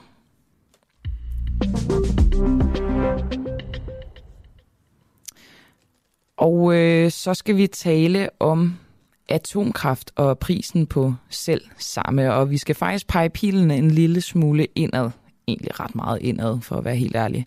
For har vi her på Den Uafhængige vildledt jer, vores kære lyttere, med forkerte fakta om atomkraft. I sidste uge der bragte vi et interview med Bent Lauritsen, der er sektionsleder for DTU Fysik. Interviewet det blev lavet i kølvandet på, at Ida Augen fra Socialdemokratiet havde kommenteret en atomkraftkampagne fra Pernille Vermund, altså en, en pro-atomkraftkampagne. Ifølge Ida Augen, der er kernekraft to til fire gange dyrere end vindmøllestrøm. Men det mener Bent Lauritsen ikke rigtigt, og det mener også, at, øh, at det har Ida Augen ikke belæg for at sige. Han mener derimod, at kernekraft er den billigste løsning i kombination med vind. Men det fik så chefeksperten hos China National Renewable Energy Center til at skrive i et tweet, at vi med vores øh, faktatjek af Ida Augen, sammen med Ben Lauritsen, vildleder ganske groft. Og øh, det skal vi jo selvfølgelig øh, have uddybet af dig, Kåre Sandholdt. Godmorgen. Godmorgen. Og det er altså dig, der er, øh, der er chefekspert hos øh, China National Renewable Energy Center. Og, øh, Det er rigtigt. eller måske ikke helt korrekt. Du må gerne korrigere. Jo, jo, det er helt rigtigt. Øhm, det er jeg. Og øh, Kåre, du øh, reagerer ligesom på, øh, hvad skal man sige, vores interview med Bent Lauritsen om Ida Augens påstand om, at, øh, at kernekraft er to til fire gange dyrere. Det er jo noget, Bent Lauritsen han afviser. Men øh, du mener, at, øh, at Bent tager fejl, og altså også dermed os, som, øh, som tager Bents ord for gode varer. Ja, jeg, I, I siger, at der i forhold til fakta ikke er belæg for at sige, at atomkraft er to til fire gange dyrere end vindkraft. Øh, og, og ja, i forhold til fakta er der faktisk belæg for at sige, at atomkraft er to til fire gange dyrere. I hvert fald når man bruger de kilder, som Ben Lauritsen også henviser til, nemlig det internationale energiagentur. Og de udgiver hvert år en, en stor det, de kalder deres flagskibsrapport, World Energy Outlook, og her i der undersøger de også, hvad koster det egentlig i forskellige områder øh, i verden. At bygge atomkraft, og de laver også fremskrivninger øh, frem til, øh, til 2050 for at se, hvordan kan man, øh, hvordan vil verdens energisystem udvikle sig. Og her er det så, at hvis man slår op i den rapport, og hvis man også slår op i, i øh, deres seneste specialrapport om atomkraft, øh, så står der jo faktisk stort på hvidt, at øh, i øjeblikket er øh, er i kraft i Vesteuropa eller i den europæiske union i EU, er tre gange dyrere end øh, onshore, altså landbaseret vind. Og det øh, rammer jo så meget godt det her med en to til fire gange dyrere, når du siger, det er, det er tre gange dyrere. Ja, altså hvis man kigger fremad og kigger på især på sol, som man forventer vil fortsat falde, det er jo faldet øh, en tiende del de sidste 10 år, øh, så kan man se, at i 2050, så er det faktisk øh, tæt på fire gange øh, billigere end A-kraft. Så, så de to til fire, det, øh, det giver det meget godt det spænd, som det internationale energiagentur forventer i deres øh, flagskibsrapport. Og vil du mene, at det simpelthen er denne her rapport, man øh, altså udelukkende kan henholde sig til? Jeg kan se, du i et øh, svar til os, eller til os har, øh, har givet bud på, hvad det er, Ben Lauritsen han henholder sig til. Altså en, øh, en anden rapport, hvor at hans, hans udsagn ligesom bliver, bliver understøttet. Hvordan kan vi ligesom differentiere mellem, hvad der, øh, hvad der er de mest rigtige fakta? Ja, det er jo et rigtig godt spørgsmål, og det interessante er jo, at, at begge rapporter øh, er fra er udgivet øh, helt eller delvis af det internationale energiagentur. Øh, så man kan jo sige, de, øh, øh er, der, er der nogle modstrid her. Ikke? Altså, sagen er jo helt enkelt, at der er kun i ganske få værker, tre tror jeg, øh, i Vesteuropa i de seneste 15 år. Øh, og det vil sige, det er ikke en hyldevare, man kan slå op og sige, om det koster, hvor meget koster det at bygge et værk, hvad koster det at drive det. Det, det kan man simpelthen ikke. Man har erfaringer fra dengang man byggede i 70'erne, hvor de fleste af de europæiske øh, atomkraftværker blev bygget, men man har altså ikke øh, de seneste erfaringer. Og, og det man gør i uh, World Energy Outlook-rapporten, og også i den rapport, der hedder Nuclear Power and Secure Energy Transition, som er den nyeste her fra i sommer, det er at dele op, hvad koster det i de forskellige regioner øh, rundt omkring i verden. Og, og hele rapporten, der nævnte her, den her nuclear-rapport, den, den er gennemsyret af, at atomkraft har det rigtig vanskeligt i Vesteuropa i øjeblikket. Det er jo ikke fordi, at IA ikke gerne vil have atomkraft. De mener faktisk, at det er en vigtig del af den grønne omstilling, at der fortsat sker en udbygning af atomkraft. Men, men deres scenarier og deres prisprognose siger altså, at det er rigtigt svært, og det kræver, at, øh, at der sker helt, øh, altså meget omfattende forbedringer øh, for, at, at der overhovedet er nogen, der vil investere i atomkraft i Vesteuropa. Når Ida Augen ligesom går ud og bruger det her politisk, altså til at slå igen på en, øh, en atomkraftskampagne, som Pernille Vermund hun laver, er konklusionerne i den her nye rapport, som du taler om, Nuclear Power and Secure Energy Transitions, er den så utvetydig, at hun med ro i maven ligesom kan gå ud og bruge det her politisk? Jeg mener, øh, deres, deres omkostningsvurderinger er nok øh, de bedste med, der findes. Øh, og og altså, det er klart, at de har et helt, øh, de har et, både internt i, i det internationale agentur, men også i deres netværk har de jo øh, en, en, en række eksperter også på, på atomkraft. Øh, så, så omkostningerne, de nuværende omkostninger og, og det, det, er, det mener jeg er meget værdigt. Øh, der hvor, hvor, hvor øh, den internationale energiagentur er, er, måske ikke støtter op omkring i dag, det er, at, at man mener, det er en nødvendig del af den øh, grønne omstilling, at man får atomkraft. Ikke i Danmark, men i, øh, i verden som sådan. Men selv i deres mest optimistiske øh, scenarie, hvis man kigger på atomkraft, så, så sker der altså en reelt nedgang, fordi vi har så mange gamle værker, der bliver nødt til at blive lukket inden for de næste 10 år.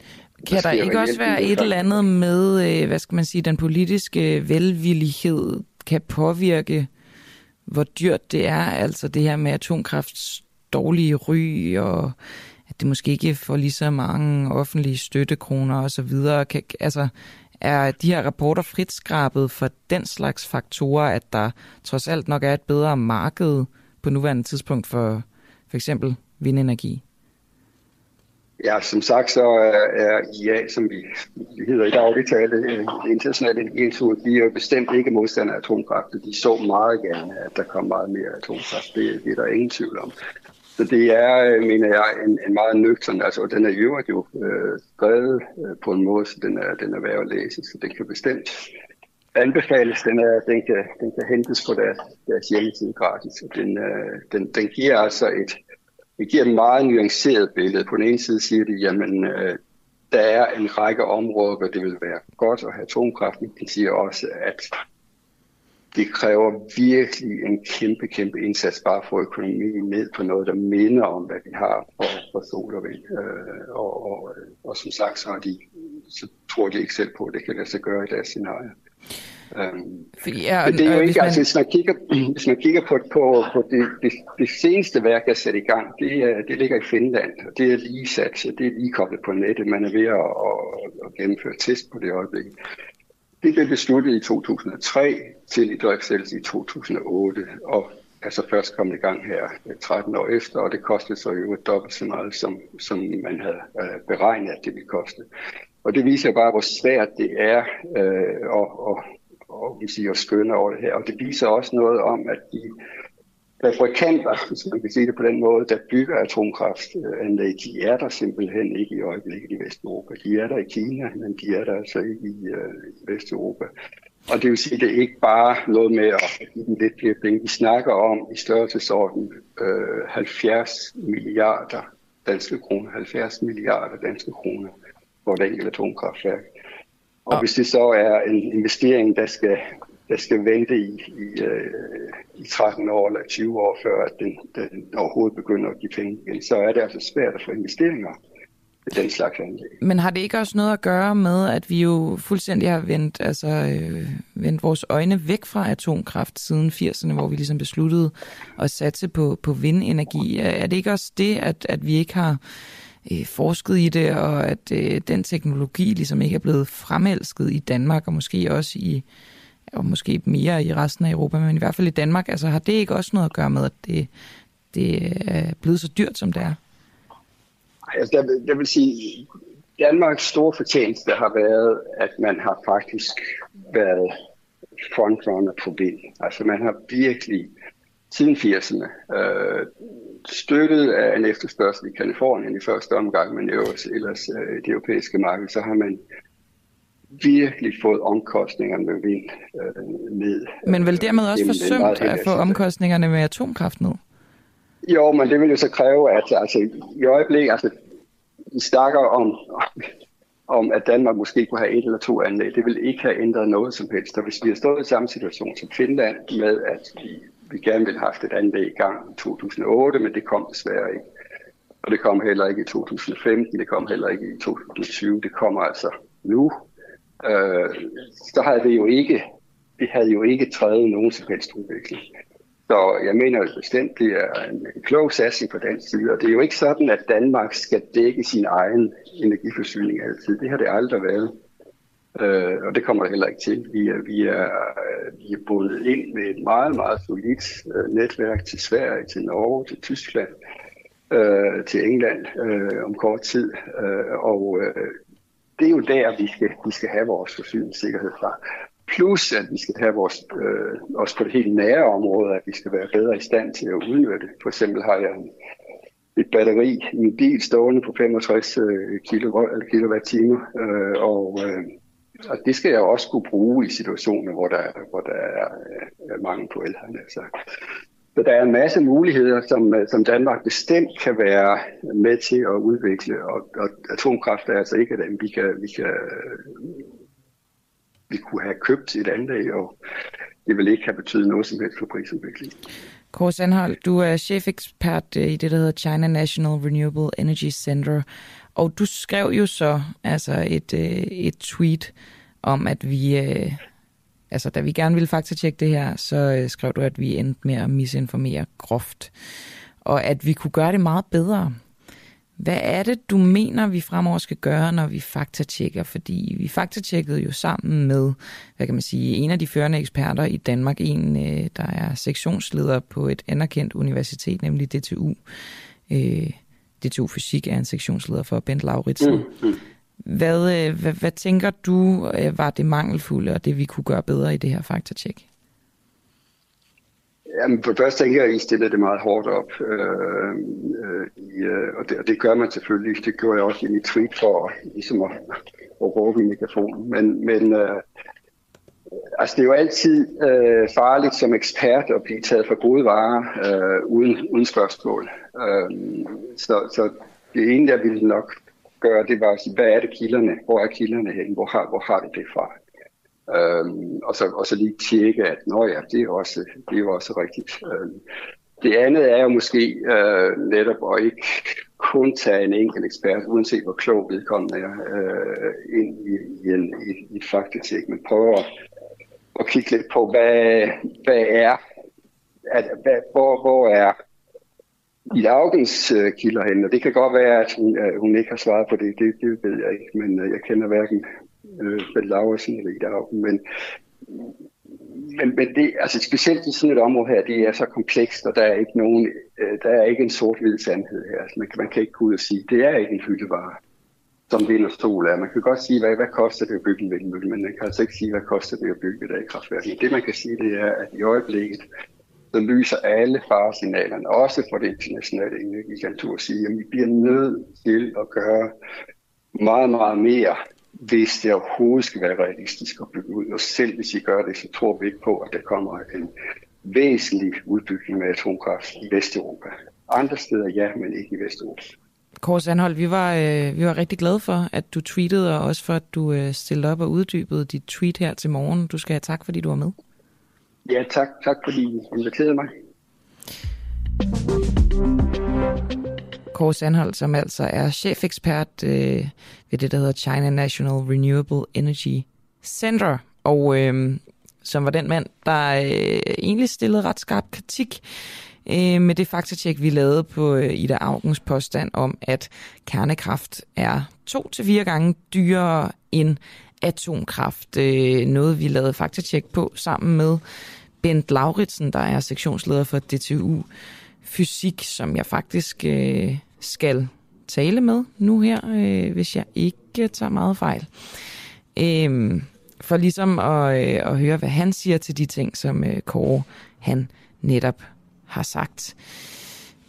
Og så kan jeg sige godmorgen til dig, Bent Lauritsen. Ja, godmorgen.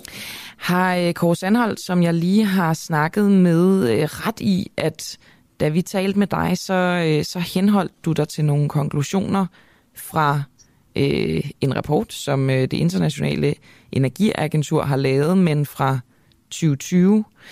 Altså øh, den rapport, der hedder Projected Cost of Electricity. Øh, ja, det er rigtigt. Øh, ja, rapporten hedder øh, Projected Cost of, of Generating Electricity, og den er fra 2020. Og, øh, og det er det, som, øh, som Kåre Sandholdt han øh, også gættede på, at øh, det var den, du ligesom havde kigget ned i, da du sagde, at Ida Augen ikke havde ret i sin påstand. Men øh, Kåre Sandholdt han henviser så også til altså en, øh, en anden rapport med samme ophav, ja. altså det internationale energiagentur. Øh, en, der er lidt nyere af dato fra 2022, som hedder Nuclear Power and Security Energy, Energy Transitions. Har du, ja. øh, er du bekendt med den rapport? Ja, det er jeg. Det, jeg er til begge rapporter, ja. Mm, og så er det jo, jeg gerne vil spørge, altså Kåre han når frem til en, øh, en lidt anden konklusion end dig. Altså han, øh, han mener egentlig, at man ikke kan trække det så skarpt op og sige, at Ida Augen hun ikke har ret. Og hvis man kigger ind i den nye rapport, så peger det faktisk måske mere på, at hun har ret i, at kernekraft er to til fire gange dyrere end vind og sol. Hvad tænker du om det? Ja, det mener jeg, at øh, han tager fejl, øh, og Ida også tager fejl.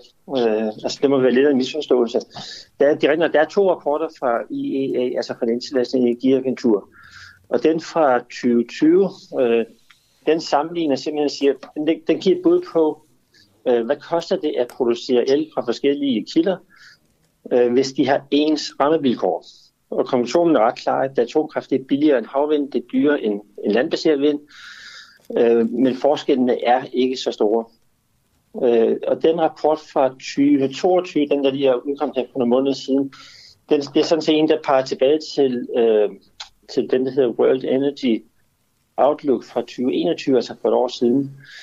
Og den siger lidt andet, øh, fordi den siger, øh, øh, hvis, hvis øh, rammevilkårene er forskellige, altså under de givende politiske rammer, hvor, hvor det er dyrere at låne til atomkraft end til vindenergi, og hvor vindenergi har præference, hvorimod at atomenergi ikke kan levere strøm hele tiden at på grund af de politiske rammer, at så ser billedet lidt anderledes ud.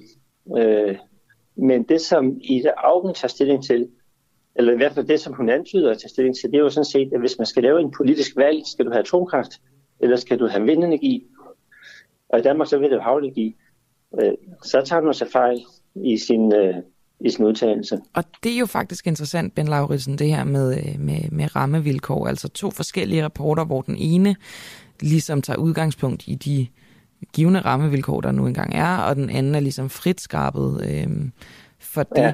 Men virkeligheden er jo også virkeligheden. Der er jo de rammevilkår, der er. Øh, så det er Nej. vel egentlig det, man må tage udgangspunkt i for øh, nuværende.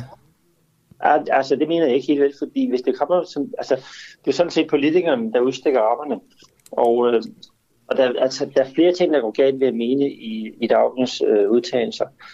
Og det ene, det er, at, øh, at, at øh, altså, politikere de kan udstille rammerne, og de kan sige, hvad, hvad er dyrest og hvad er billigst, ikke? Og hvis hun giver indtryk af, at atomkraft lige pludselig er dyrere end vind, øh, så er det jo ikke rigtigt. Det er kun, hvis der man lægger politiske øh, rammer ind for, hvor meget atomkraft må, må værkerne egentlig producere. Men hvis vi nu tager udgangspunkt i de rammer, der er lige nu, så har hun vel ret? Ja.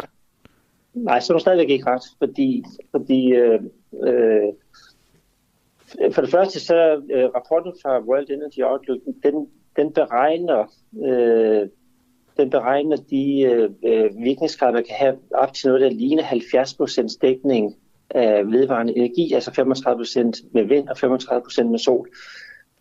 Og øh, i dag taler vi ind i et scenarie, hvor vi har langt mere vind. Og det vil sige, så holder forudsætningerne, som øh, World Energy Outlook ligger ind, de holder simpelthen ikke længere. Øh, så heller ikke der vil, øh, vil hun have ret.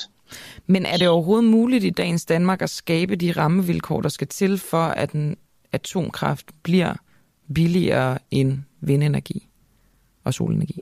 Jamen, jamen øh, ja, det kan du godt, ikke? Og det, øh, det, det, det er sådan set det, som andre lande gør omkring os. Og, og så er jeg også nødt til at lige sige en ting til, fordi øh, den der sammenligning, den, øh, altså det internationale energiagentur, det siger også meget klart, at man kan ikke sammenligne priserne øh, direkte, altså det der LCOE, fordi det der, det der er interessant er i virkeligheden, øh, der er en masse systemomkostninger ved vind, som man skal lægge til priserne. Der er transmissionsledninger, der er det, at man skal have backup-systemer, der skal stå klar, når vinden ikke blæser, og der er sådan set også spild af energi, når vinden blæser for meget. Og det, som det, som det internationale energiagentur siger også i deres nyeste rapport, det siger meget klart, at hvis man skal have et energisystem uden atomkraft, så bliver det dyrere end med atomkraft. Men, men, men det var vel ikke sådan det, som Ida Augen henviste til. Hun, hun stillede dem vel egentlig mere sådan op imod hinanden. Nej, altså Ida Augen henviser til en, en konsulentrapport. Hun henviser ikke til IEA øh, med, no, med nogle, øh, nogle helt andre tal. Øh, men hun giver jo indtryk af, at man bare kan erstatte det ene med det andet, og det er jo simpelthen forkert. Man kan ikke bare erstatte atomkraft. Altså det, det, det grundlast, som er nødvendigt med vindenergi. Så hvis man skal erstatte atomkraft, så skal du erstatte det med noget andet, og det skal være enten batterier eller noget øh, fossile brændsler med det, man kalder carbon capture and storage, øh, hvor du indfanger CO2 igen. Og, og det er den sammenligning, som IEA henviser til, at man skal lave. Øh, så, med, så det er jo lidt af, at øh, det er misvisende, hvis man tror, at man bare kan erstatte atomkraft med vindenergi. Øh, Kåre Sandholdt, han siger, at øh, det her med, at hvis vi byggede et atomkraftværk nu, ligesom øh, Finland har gjort, altså der kan man først, altså det kan først tjene sig selv ind om, om 20 år. Altså det vil være så dyrt, at, øh, at det begynder først at være økonomisk øh, lukrativt om, om ganske lang tid. Hvad, hvad, hvad tænker du om det? Ja, det tænker jeg også, at det, øh, den holder heller ikke. Øh, det er rigtigt nok, det tager lang tid, men det gør al infrastruktur. Det vil tage lang tid. Øh, altså, øh, men vel ikke vindmøller på samme måde, som, som, altså, som tingene er nu? Så er vindmøller jo. vel ikke super lang tid om at, at tjene sig selv ind? Nej, det afhænger lidt af, om du vil have den på land eller på vand. Hvis du vil have de her energiøer, vi snakker om, så snakker vi jo realistisk midt i 2030'erne, før det kommer, før det bliver udbygget. Og så bliver tidshorisonten lige pludselig sammenlignelig med atomkraft.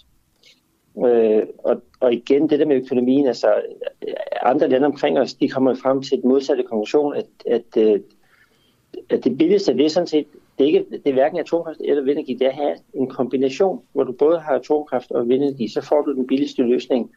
Så kan du udnytte fordelene ved atomkraft, og du kan udnytte fordelene ved vind. Mm. Så, så det her øh, Kåre Sandholds input og det her med, at han henviser til den, den nye øh, rapport fra det internationale energiagentur, det, øh, det rykker ikke så meget ved, ved, øh, ved det, du siger, Ben Lauritsen. Nej, det gør det ikke. Altså, øh, altså internationale energiagentur, de har jo ikke ændret på tallene i løbet af et år. Altså, det er simpelthen, det er fordi, det er nogle andre forudsætninger, der ligger i de to rapporter.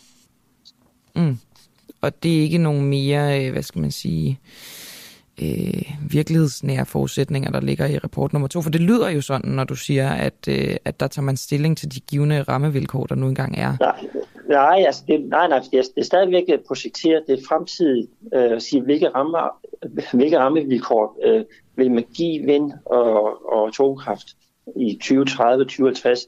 Så det, det er begge, begge ting er sådan set tale om, om fremskrivninger, og begge ting er er påvirket af de politiske valg, man laver. Altså, øh, hvad er det for en energiplanlægning, man lægger til grund? Ben Lauritsen, jeg får, sådan, øh, jeg får sådan lyst til lige at læse en lytterbesked op for dig øh, fra en lytter, der hedder Jane. Eskilsen. Hun skriver, og øh, undskyld hendes danske, jeg synes æder med mig, at det er svært at finde ud af, hvem man skal stole på, når der snakkes vindenergi kontra atomkraft. Og på en eller anden måde kan jeg godt forstå Jane, fordi nu sidder vi med to eksperter, der... Øh, der begge to siger, at hinanden øh, har uret og henviser i virkeligheden til de samme rapporter, men som åbenbart fra, øh, altså fra jeres side kan opfattes på to forskellige måder. Øh, på den måde, så bliver man jo en lille smule prisgivet, når man øh, skal prøve at finde ud af, hvad der, hvad der er op og ned. Ja, men, men så vil jeg anbefale, at hun læser rapporten gerne, den sidste rapport. Altså, IA, de skriver meget tydeligt i deres, øh, i deres øh, indledning og summary, hvordan rapporten skal læses. Og de skriver meget tydeligt, at øh, hvad de tal kan bruges til. Øh, Jeg synes ikke, det er så svært at, øh, at gennemskue. Og jeg tænker i virkeligheden også bare, at øh, fordi den er åbenbart frit tilgængeligt øh, for alle, så jeg tænker Ja, egentlig ja. bare, at vi, øh, vi øh, linker til den på vores side, så alle kan få Ja. lov til at læse den. Og så den, altså så må man jo danne sine egne konklusioner om, end at, øh, at det selvfølgelig altid er godt at lytte til eksperter. På Ja. trods af, at I kan være uenige, Bent Lauritsen. Øh, men tak for, at du var med her i anden omgang også. Jamen, velkommen. Og god dag til dig. I lige måde. Hver dag efter morgenudsendelsen kan du høre et særligt udvalgt interview i vores podcast Den Uundgåelige. Interviewet er valgt, fordi det er det bedste, det vigtigste eller mest interessante.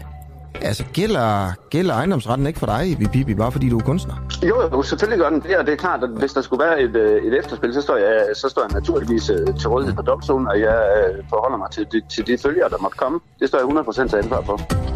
Du finder Den Uundgåelige i vores app, eller der, hvor du henter din podcast. Et nyt interview hver dag. For dig, som ikke fik hørt hele morgenudsendelsen, men ikke vil gå glip af dagens bedste interview.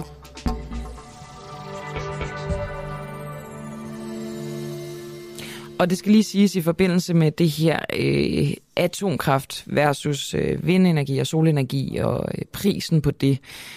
Øh, det hele var jo affødt af et tweet fra Ida Augen, og i første omgang, da vi ville faktisk tjekke det her tweet med Ben Lauritsen, der forsømmer vi simpelthen at invitere Ida Augen til at få genmæle i det her. Det er jo ellers noget, der er sindssygt vigtigt. Det skal vi gøre som øh, journalister. Det er også vores ambition at gøre det.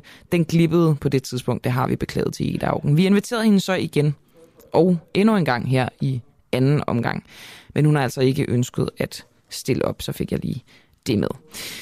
Nu vender vi blikket imod Ukraine, hvor der sker så meget, at øh, selvom jeg synes, jeg er et menneske, der kan lide at holde mig orienteret og som følger med hver eneste dag, så er jeg faktisk lidt svært ved at øh, følge med. Jakob Korsbro, godmorgen.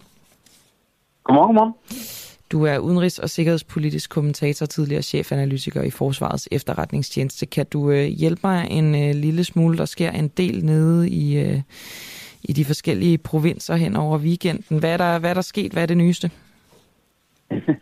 Ja, det er, det er svært at følge med. Jeg tror, det, det er sådan lidt en fortærsket øh, kliché at sige, det er dynamisk, men øh, jeg tror i det her tilfælde, der må vi sige, det er pokkers dynamisk. Måske skal vi gøre Øh, selv den tjeneste at starte med, øh, med Lyman, den ukrainske by Lyman.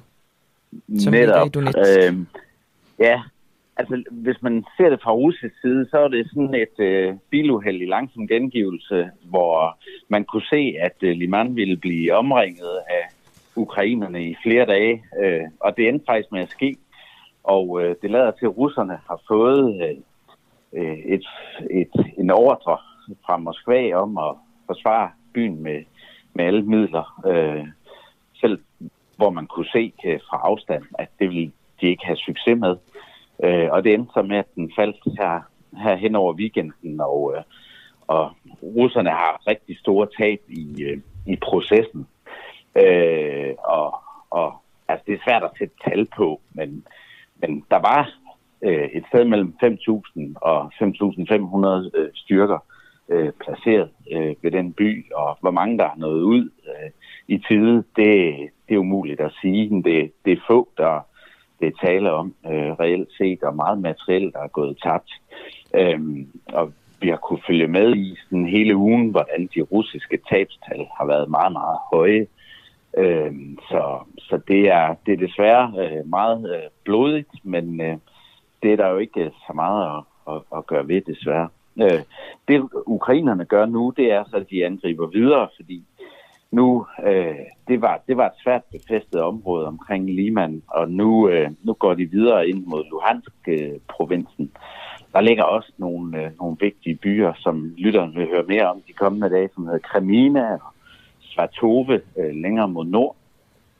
Og øh, det er også et sted, hvor forventningen er, at øh, russerne vil forsøge at lave en forsvarslinje. Men det får de sandsynligvis svært ved. Øh, og man kan se, at deres enheder øh, begynder mere og mere at, at, at falde sammen, fordi øh, de simpelthen ikke har tilstrækkeligt med forsyninger og tilstrækkeligt uddannede soldater. Så, så det går stærkt i øjeblikket. Korsbo, jeg spoler lige tilbage til Lyman, øh, og nu må I alle sammen tilgive mig, hvis jeg er fejlinformeret, men at den her by et form for sådan knudepunkt, når man snakker øh, forsyninger til, øh, til de russiske tropper? Er det rigtigt forstået? Nej, ikke, ikke sådan forsyninger. Øh, det har bare været sådan en hovedbastion. Okay. Ligesom øh, øh, Itium var det øh, over mod, øh, lidt længere mod vest, øh, så har det været sådan en hovedbastion. Øh, fordi den ligger øh, tæt på Sloviansk, som er den sådan, største by sammen med Kramatorsk, som, øh, som ukrainerne hele tiden har, har haft øh, under deres kontrol. Og det var de sådan, to hovedbyer i Donetsk-provinsen, som øh, russerne gerne ville erobre. Så derfor tilførte de rigtig mange tropper til både Itium og Liman for at kunne lave øh, hårde angreb ned mod Sloviansk og Kramatorsk. Men det, det er de så aldrig kommet til. Det er de aldrig blevet anvendt til, og nu i stedet for så er de blevet sparket, sparket ud og, og mod øst. Og, øh, og det, det er noget, der fortsætter, og det vil også fortsætte de kommende dage. Man kan sige, det ser jo lidt øh, specielt ud, at øh, det ikke er ret lang tid siden, at Rusland jo annekterede de her øh, provinser, og, og jo også blandt andet Lyman, øh, og jo også laver den her mobilisering.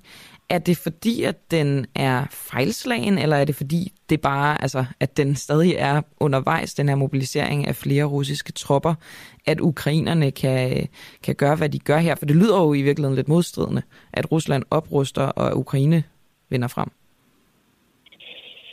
Ja, men jeg var, jeg var på noget tv her til morgen, hvor jeg kaldte det sådan et, en teaterforestilling. Både det der med mobilisering og også, øh, også det her spørgsmål om annekteringen af de her øh, provinser.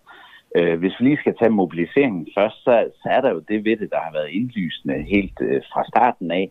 Når du sætter gang i sådan en mobilisering, så tager det altså tid at, at gøre, gøre de mobiliserede til dygtige soldater og og soldaterne til effektive enheder. Og det, det kan du ikke gøre på 14 dage eller 3 uger. Det tager lang tid. Og når man så ved, at øh, øh forsyningssituationen er rigtig dårlig på den russiske side, og de, øh, det, det udstyr, og, som, øh, som deres soldater får, er, bliver ældre og ældre, og, og, og udrustningen bliver ringere og ringere, jamen, altså, så får du ikke effektiv øh, kampkraft ud af mange mennesker. Øh, og det bliver desværre bare blodigt, og det er derfor, jeg siger, det her med de høje tabstal, det er desværre noget, som, som vi vil se, fordi det er ringere og ringere soldater og ringere og ringere udrustede soldater, som Ukra- eller russerne sender til fronten. Og øh, det har katastrofale øh, følger. Så, så man kan sige, de har egentlig trukket nogle kort, øh, russerne, som man har kunne se hele vejen. Det vil, det vil ikke blive effektivt, det her. Det kommer ikke til at virke. Må, må jeg lige afbryde dig hurtigt, Korsbro? Øhm, ja, selvfølgelig. Det her lyder som, altså det, det er lidt brutalt sagt, men kan man ikke trods alt altid bruge tropper, om de er dygtige eller ej, om de har fået opfrisket deres militære kundskaber eller ej? Kan man ikke i en vis grad bruge dem som en slags kanonføde, og så vinde frem på den måde, så længe man har nok? Jeg ved godt, det er et kynisk spørgsmål, men, men kan det ikke stadig være en fordel? Jamen, øh, det kommer an på, hvor meget ildkraft øh, modstanderne har til rådighed, og øh, ukrainerne har masser af ildkraft, og, øh, og derfor kan det godt være, at en gang i 1800-tallet, øh, der var der nogle krigsteorier om, at, øh, at antal og mandtal var en kvalitet i sig selv, men, øh, men, men den ligning er bare blevet anderledes, og øh, med de våben, som øh, ukrainerne nu råder over, øh, kan de føre en moderne krig af nu 2022, og, øh, og det, det kan russerne ikke. og så nytter det ikke noget at, at, at, at putte mennesker i, i kødhakkermaskinen. Fordi det er desværre det, der er tale om, og det, det er jo dybt tragisk, men jeg skrev faktisk om det for, for 14 dage siden, da de lancerede den her mobilisering, at det var sådan, det ville gå. Og øh, ja, det er, jo, det er jo trist at få ret. Ja, det kan man, det kan man sige øh, på mange måder, at det her jo, jo rigtig, rigtig trist. Hvad, øh, hvad betyder det for Rusland at miste Liman? Jamen, øh, som jeg var inde på, nu, nu, nu står fronten over mod Luhansk faktisk sådan ret åben, og øh, der vil jeg forvente, at øh, ukrainerne fortsætter med at lægge tryk, fordi øh, alt tyder på nu, at, at de har set, hvor sårbare russerne er, og hvor svært de har ved at lave, lave øh, positioner, som de rent faktisk kan holde. Og, øh, og, og så vil de forsøge at udnytte det. Øh, og, og, og, og derfor er det svært at se nogle scenarier, hvor, hvor russerne kan vinde, kan vinde slagets gang, øh, fordi de har simpelthen ikke øh, den, øh, den ildkraft og, og, og, og de uddannede enheder, der skal til for at, at gøre det. Øh, så, så det er med at holde, holde godt fast og, og følge godt med de, de kommende dage. Der kan komme til at ske øh, meget mere. Vi kunne også se i går specielt øh, nede i, mod syd i Kherson-provinsen, hvordan øh, øh, de brød øh, forsvarslinjerne dernede, ukrainerne, altså de russiske forsvarslinjer, og, øh, og rykkede frem øh, et godt stykke. Så, så det er noget, vi ser overalt nu. Ja, og apropos Kherson, så øh, har der, og det er jo altid lidt pinligt at henvise til, at man har sine øh, rygter fra Twitter, men ikke desto mindre har der floreret en, øh, altså en del rygter øh, foranledet en af russiske Telegram-bloggere, at mange russiske styrker er kollapset i det nordlige Kherson hen over weekenden. Ved du noget om det, Korsborg? Mm, ja, altså som du selv siger, så var det russiske telegram-bloggere, og øh, man kan sige, når man har fulgt med i, i nogle af de her øh, øjenvidenkilder øh, øh, over et stykke tid, så, så har man også mulighed for at validere dem. Og jeg vil sige, at nogle af dem overdriver en hel del, og jeg tager dem altid med et gram salt. Men, men så kan man jo så se, hvad der samtidig kommer fra den ukrainske side. Hvorfor skulle de Og- over, og balancere overdrive, når de russiske bloggere? Undskyld, jeg afbryder. Jamen, det gør de samtidig, det, det, det, det, det, det kan man sige, det er ulogisk. De skulle overdrive de, de russiske tab. Men der var nogle gange for, for et stykke tid siden, hvor man kunne se, at de prøvede at overdrive de russiske tab for at, for at, at lokke ukrainerne frem, og, Ah. og så ligesom kunne sige, okay, se nu, hvad Rusland vender tilbage, og så videre, så videre. Mhm. Øhm, men, men, men de sidste her uger, der, der kan man sige, at mange af de der telegramkanaler, de er faktisk blevet mere og mere realistiske omkring, hvad det er, der, der egentlig foregår. Øhm, ja, der var en, der nævnte et fremstød på 75 km ned mod øh, Novakakova øh, ved Dnipro-floden. Øh, det er jo en af de vigtige overskæringer på den, på den store, brede flod der, og, øh, og det, det, det, det tager jeg stadigvæk med en græs salt, men de er i hvert fald kommet godt derned af, og, øh, og, og, og der er russerne også presset, og, og det er ellers et sted, hvor de har nogle af deres sådan, formodentlig stærkere enheder stående, øh, russerne, men, men det der bare er, det er, at øh, ukrainerne kan ramme deres forsyningslinjer øh, på grund af den her store flod, og de få øh, muligheder, som russerne har for at komme over floden. Og, øh, og, og så nytter det jo ikke noget at have stærke enheder, hvis de ikke er godt forsynet. Og, øh, og det er det, vi ser effekten af nu. Øh, nu er der gået de her uger, hvor de er blevet gradvist dårligere og dårligere forsynet, og, og, og det, det betyder, at så selv øh, dygtige øh, enheder, så, så begynder de også at bryde sammen. Så ja, jeg tror, jeg tror at de, de tykke mure i Kreml, de ryster lidt i, øh, i øjeblikket, øh, hvis jeg skal være helt ærlig. Det, det er voldsomt for dem. Til allersidst, Jakob Korsbo, øh, når man siger, der er ukrainsk fremrykning, der er russisk fremrykning osv., jeg kan godt lide at øh, blive sådan lidt konkret. Altså når man taler om fremrykninger, taler man så en bataljon af en vis størrelse, der kommer kørende i, øh, i militær køretøjer, eller er det øh, altså gående tropper, der, der ligesom altså, mm, de, de møder vel ikke hinanden på slagmarken, hvor de står over for hinanden i lange kolonner. Altså, hvordan foregår det konkret, når de ligesom laver de her fremrykninger? Forstår du mit spørgsmål? Ja, ja. Jeg er svært ja, for at se det for mig. Altså, det, det, det kan man sige, det, det, det er noget, man sådan ser fra gang til gang, fordi det kommer an på, hvordan modstanderne, i det her tilfælde russerne, har planlagt forsvaret. Og øh, hvis de, øh, som vi har talt om ved Liman for eksempel, har fået besked på, nu må I øh, forsvare jeres linjer her, der bliver ikke nogen tilbagetrækning, så er det, man ser de her slag, som er meget kraftige, og her i Liman blev de russiske styrker simpelthen omringet, og, øh, og så bagefter ser man typisk en, en fremrykning, hvor du så ser billeder af, af soldater, der sidder oven på pansrede køretøjer og sådan noget, fordi de ved, at der ikke bliver skudt på dem, fordi russerne er stukket af og ikke har nogen forsvarslinjer i det område tilbage. Altså, så man, det så man går sådan- omringer en det- masse Det kommer an på, russere? hvordan modstanderne er placeret over for hinanden.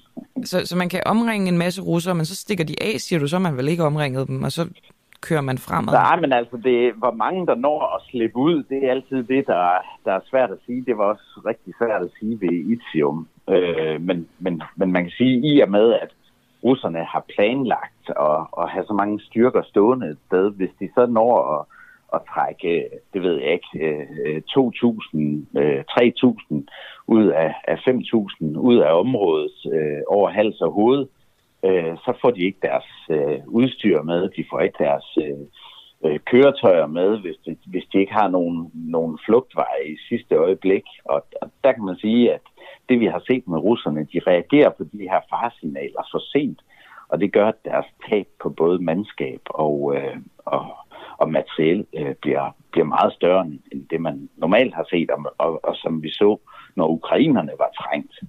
Øh, de mistede faktisk sjældent ret meget på de der øh, tilbagetrækningsmanøvrer. Fordi de havde planlagt bedre, men skal russer, altså for russerne aldrig besked på, at nu, nu bliver I alle sammen og, og kæmper? Jo, men det er det, de har fået besked på ved, øh, ved Liman, og, og det er jeg sikker på, at de også har fået besked på i Kærson, at de ikke skal blive en millimeter. Og det fører så bare til, at deres tab bliver større og større, øh, og mere og mere alvorlige, i stedet for, at man fra russisk side sagde, okay, vores her er blevet, blevet smadret godt og grundigt nu, øh, vores kapacitet er for nedadgående, så nu må vi finde på nogle, øh, nogle forsvarslinjer, som vi rent faktisk kan forsvare. Men de forsvarslinjer, de har øh, på grund af den lange frontlinje, er så store, og de kan ikke beherske området. Og det, det, det, de, øh, det er derfor, man ser de, øh, de kæmpe nederlag, de får. Jakob Korsbo, øh, som altid et kæmpe stort tak til dig, fordi du altid stiller så velvilligt op, både her og i andre medier. Selv tak, og god dag. God dag. Jakob Korsbo, som altså er øh, en hyppig gæst her i programmet, og også udenrigs- og sikkerhedspolitisk kommentator og tidligere chefanalytiker i Forsvarets efterretningstjeneste. Er læger for hurtige til at give kraftdiagnoser? Det lyder øh, en lille smule paradoxalt. Øhm, men det er ikke desto mindre sådan, at øh, alt for mange får en kraftdiagnose, som er overflødig, og for mange patienter får behandlinger, som de slet ikke har brug for. Det siger i hvert fald John Brandt Brodersen, som er speciallæge i almen P- øh, medicin, Ph.D. og professor på Center for Almen Medicin ved Københavns Universitet, til det medie, som hedder videnskab.dk. Og øhm, det vækker selvfølgelig vores nysgerrighed, fordi øh, når det kommer til cancer, så er det jo unægteligt sådan, at man tænker, jamen, der er ikke nogen diagnose, der kan stilles for tidligt. Altså, øh, vi burde alle sammen ikke få diagnosen, men i hvert fald blive undersøgt øh, så hurtigt som muligt. Ifølge Sundhedsministeriet, der er øh, tidlig opsporing af kræft helt afgørende for at sikre den rigtige behandling tidligt i sygdommens stadie. Og her der er de her screeninger, som, øh, som man benytter sig af et af redskaberne. Men, øh, men spørgsmålet er, om screeningerne også kan have negative effekter. Jeg venter en lille smule på, at øh, John Brodersen han lige øh, får den øh, rigtige telefon på, så vi kan tale ordentligt med ham. Øhm, klokken, den kan jeg lige sige, den er blevet næsten kvart i ni, altså vi har sådan godt og vel et kvarter tilbage af morgens udsendelse her mandag den 3. oktober. Jeg kan lige læse et citat op fra John Brudersen, som altså mener, at vi er for hurtige til at give kraftdiagnoser.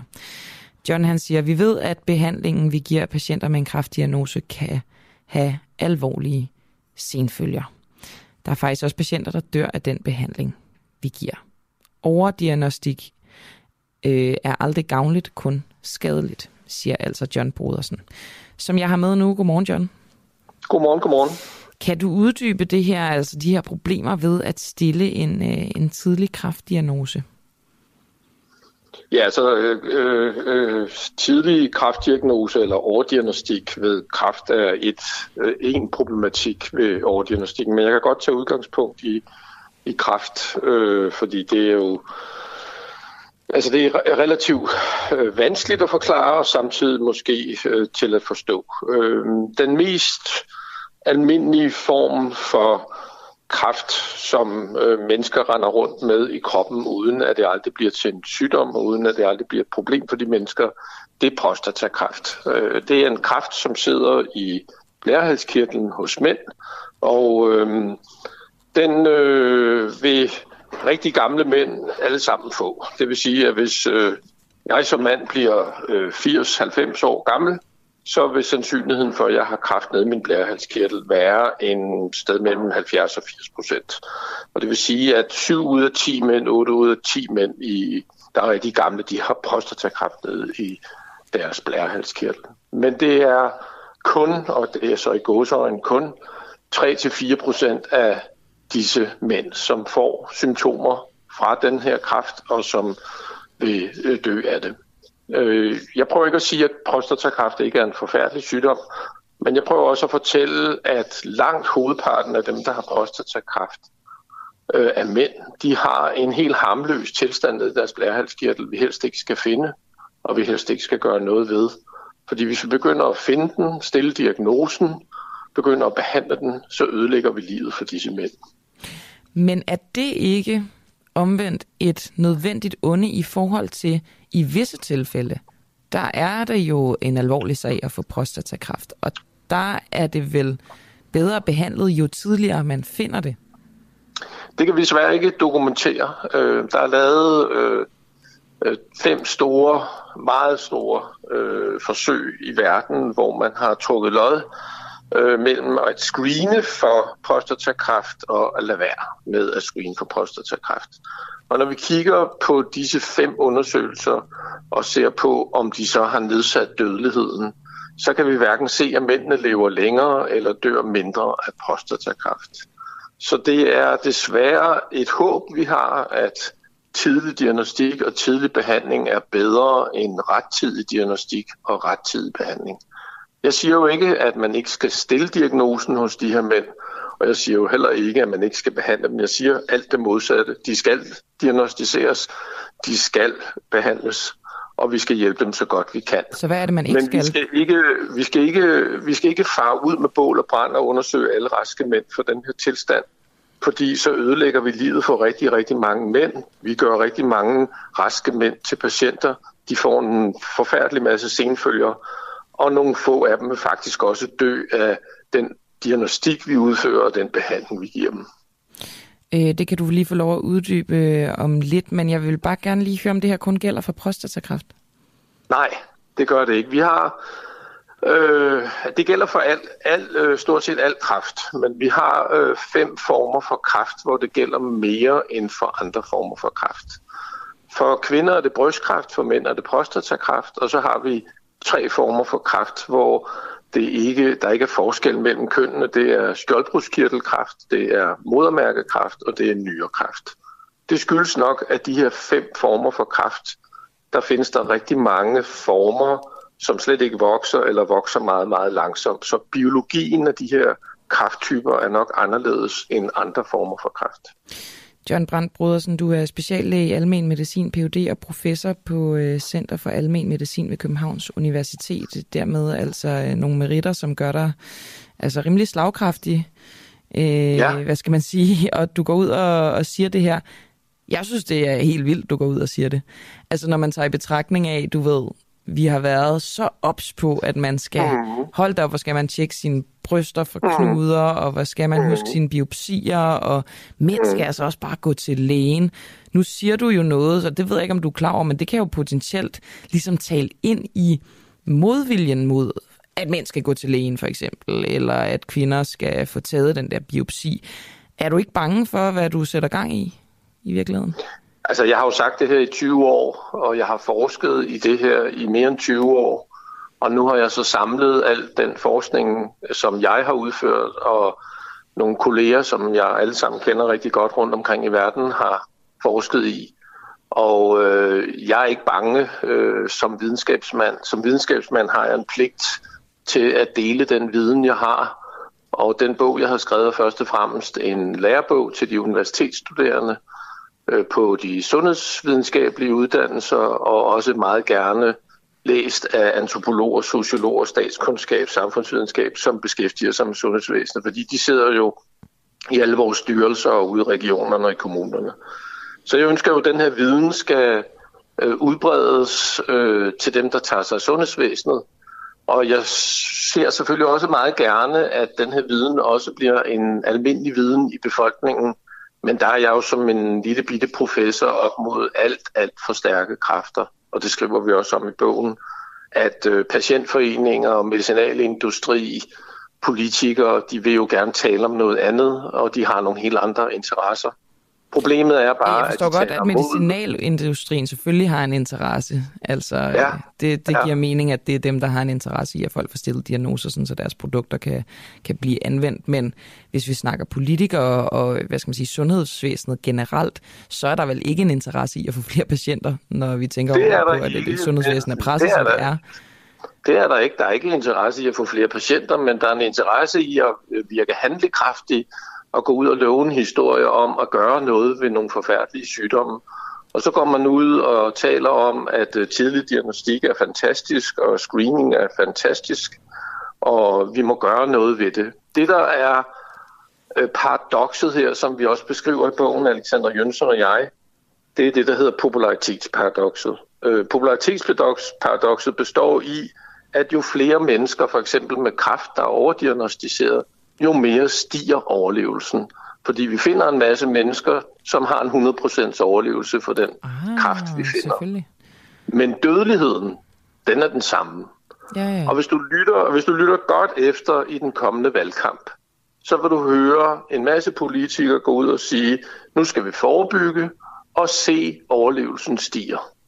Problemet er bare, at ud fra et videnskabeligt synspunkt, der kan vi simpelthen ikke underbygge det med videnskabelig evidens. Vi må bare sige, at sådan hænger tingene ikke sammen. Så vi har nogle stærke forforståelser, vi har nogle stærke holdninger. Vi tror på tidlig diagnostik, vi tror på forebyggelse. Men når vi forsker i det, så må man bare sige, at det ikke er rigtigt. Oplever du øh, politikere på, på hele spektret, der ligesom bruger det her som, øh, jeg har lyst til at kalde det en form for populisme i virkeligheden? Ja, øh, der er ikke... Øh, Øh, der er ikke sådan et spektrum, hvor man kan sige, at højrefløjen eller venstrefløjen, eller den røde blok, eller den blå blok, eller hvordan nu, man nu taler om politikere, at, at den ene øh, flok gør det mere end den anden. Det her, det er desværre øh, en, øh, en kortslutning, øh, der eksisterer i hele det politiske spektrum. Og den eksisterer jo også, du er jo selv chokeret, øh, øh, den eksisterer jo også blandt helt almindelige mennesker som en meget, meget indgroet forståelse. Ja, det er jo, et- altså, det er jo et, et indgroet narrativ i samfundet. Ikke ja, fordi jeg tillader mig selv at tale på vegne af samfundet, men, men, men ja. det er jo alt, hvad man hører i, i medierne hele tiden, og fra politikere. Ja, og med, med, med, med, med, altså vi har forskellige, øh, vi beskriver forskellige samfundsvidenskabelige teorier, som kan forklare, hvorfor det her er så indgroet. Øh, Vi taler om for eksempel om det, der på engelsk hedder healthyismen, øh, som på dansk er oversat til sundhedisme, som er en slags ny religion, hvor vi øh, hvor målet i sig selv er sundhed. Og så taler vi også om det, man kalder, kommer der fint ord, neoliberalistisk governmentality, som er sådan en sundhedskultur omkring, at vi har ansvar for eget helbred, øh, helbred og, og vi skal som mennesker hele tiden sørge for at være opmærksomme på vores helbred og hele tiden gå til lægen. Så, så vi har helt klart nogle tendenser. Samtidig så frygter vi døden mere end nogensinde, og vi tror, at vi kan kontrollere døden. Men altså, døden er jo 100%, og vi skal alle sammen dø. John, øh, kan du lige fortælle om det her med, øh, med at screeningerne og diagnoserne kan have senfølger, altså depression, giver jo mening. Men du siger også, at det kan have døden selvfølgelig. Vil du ikke lige uddybe, hvilke konsekvenser de her øh, Jo, altså, kan man have? har, lavet nogle, man har lavet nogle undersøgelser omkring folk, der får diagnosen kræft. Og de får øh, psykiske følger alene af diagnosen. Jeg har også lavet noget forskning omkring det, hvor vi kan se det. Øh, så øh, er der også øh, en, en øget øh, forekomst af depressive symptomer hos mennesker, der får diagnosen kræft. Og der er også et øget forbrug, eller en øget udskrivelse af antidepressiva, altså det, der med et misforstået ord nogle gange kaldes lykkepiller. Ja. Øhm, og så øh, er der også en øget selvmordsrate blandt øh, mennesker, der får diagnosen kræft. Øhm, så det at få diagnosen kræft i den kultur, vi lever i, det er, øh, det er en alvorlig sag. Men har du undersøgt, Øh. om de her senfølger og, og bare følgevirkninger også gælder dem, hvor at de ikke har været i livsfare? Ja, altså det, problemet med overdiagnostikken er, at jeg kan ikke udpege den, der er korrekt diagnostiseret, eller den, der er overdiagnostiseret. Jeg har simpelthen ikke mulighed for på nogen måder at, at øh, skælne de mennesker. Hvordan kan så du det, så konkludere det egentlig? Det kan jeg statistisk, det kan jeg, når jeg kigger i registrene, det kan jeg, når vi laver videnskabelige forsøg. For eksempel når vi laver lodtrækningsforsøg for lungekræftscreening, hvor vi øh, har udført det, der hedder lavdosis CT-scanning af storrygere, så kan jeg se, at dobbelt så mange får diagnosen lungekræft, når de bliver screenet, end hvis de ikke bliver screenet. Og dermed kan jeg konkludere, at cirka hver anden, jeg stiller diagnosen lungekræft hos i et screeningsprogram, har fået diagnosen unødvendigt. De dør af noget andet. De dør ikke af de celleforandringer, de har i lungevævet, som er lungekræft.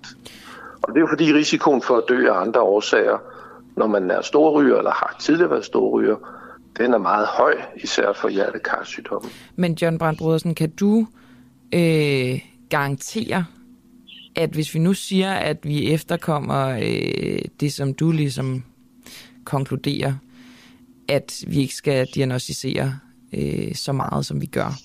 Kan du Nej, det siger jeg ikke. Nej, men... Det siger, det siger Nå, jeg ikke. Undskyld. Jeg siger, at vi skal Ikke screene så meget, ikke vi tro gør. på, at tidlig diagnostik løser det her, og vi skal ikke Mm. tro på, at screening løser det her. Og så skal vi til at arbejde med vores sundhedskultur, siger jeg. Men, og men jeg siger så du heller mener, ikke, at jeg skal, har en... du mener, at vi skal screene lige så meget, som vi gør? Hvad for noget? Du mener, at vi stadig skal screene lige så meget, som vi gør? Nej, nej, nej, nej, nej. Vi skal screene meget mindre, og vi skal screene på en anden måde, hvis vi skal screene. Og også dermed jo følgeligt diagnostisere mindre. Det vil resultere i, at vi diagnostiserer mindre, fordi vi vil overdiagnostisere mindre, men vi vil stadigvæk diagnostisere de mennesker, der bliver syge. Men kan du garantere, at vi kan det? Altså, at hvis vi Ja. ja. øh, omgør vores screeningsprocesser, at vi ikke ender med at tabe nogen, som ikke skulle være tabt på gulvet?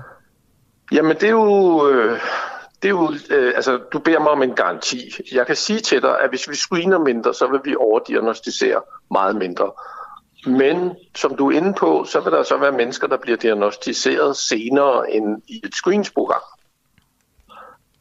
Screeningsprogrammer handler om gavn og skade, og vi skal jo gøre op med os selv som samfund, om et screeningsprogram skal hjælpe nogle meget, meget få syge, eller som i prostatakræfttilfældet, ingen syge, og så at vi skader en masse raske mennesker. Så det er jo balancen mellem gavn og skade, vi skal ind og diskutere.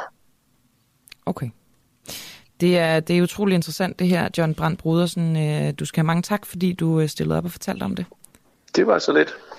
Øhm, og øh, du har altså sammen med antropologen Alexander Brandt øh, Ryborg Jønsson skrevet bogen Snart er vi alle patienter over diagnostik i medicinske og sundhedsfaglige perspektiver. Tak fordi du var med, og god dag til dig. Ja, lige måde. God dag. John Brandt Brodersen, som er speciallæge i almen øh, medicin, Ph.D. og professor på Center for Almen Medicin ved Københavns Universitet. Det er sindssygt interessant det her, hvis øh, politikere ligesom får gavn af de her... Øh, hvad skal man sige, øh, for tidlige diagnoser, sammen med i øvrigt medicinalindustrien, som jo altid er, er nem at slå på på den måde. Jeg skulle have snakket med Jakob Serup, som er museumsinspektør på Bornholms Museum og kulturhistoriker, og Ph.D. i flådehistorie om øh, Nord Stream-sagen, altså gaslækagerne, men øh, det nåede jeg ikke, faktisk med vilje, fordi jeg synes, det her var så interessant. Så det rykker vi til i morgen, og øh, det gør vi med glæde, fordi det er et eller andet med, at Forsvarsakademiet har fået en form for mundkurv på i denne her sag om gaslækagerne. Mit navn er Camilla Boraki. I morgen der er øh, Oliver Breum ved roret i regien var Klar Vind og Oliver Nobenau. Programmet var sat sammen af Peter Svarts Nielsen. God dag. thank you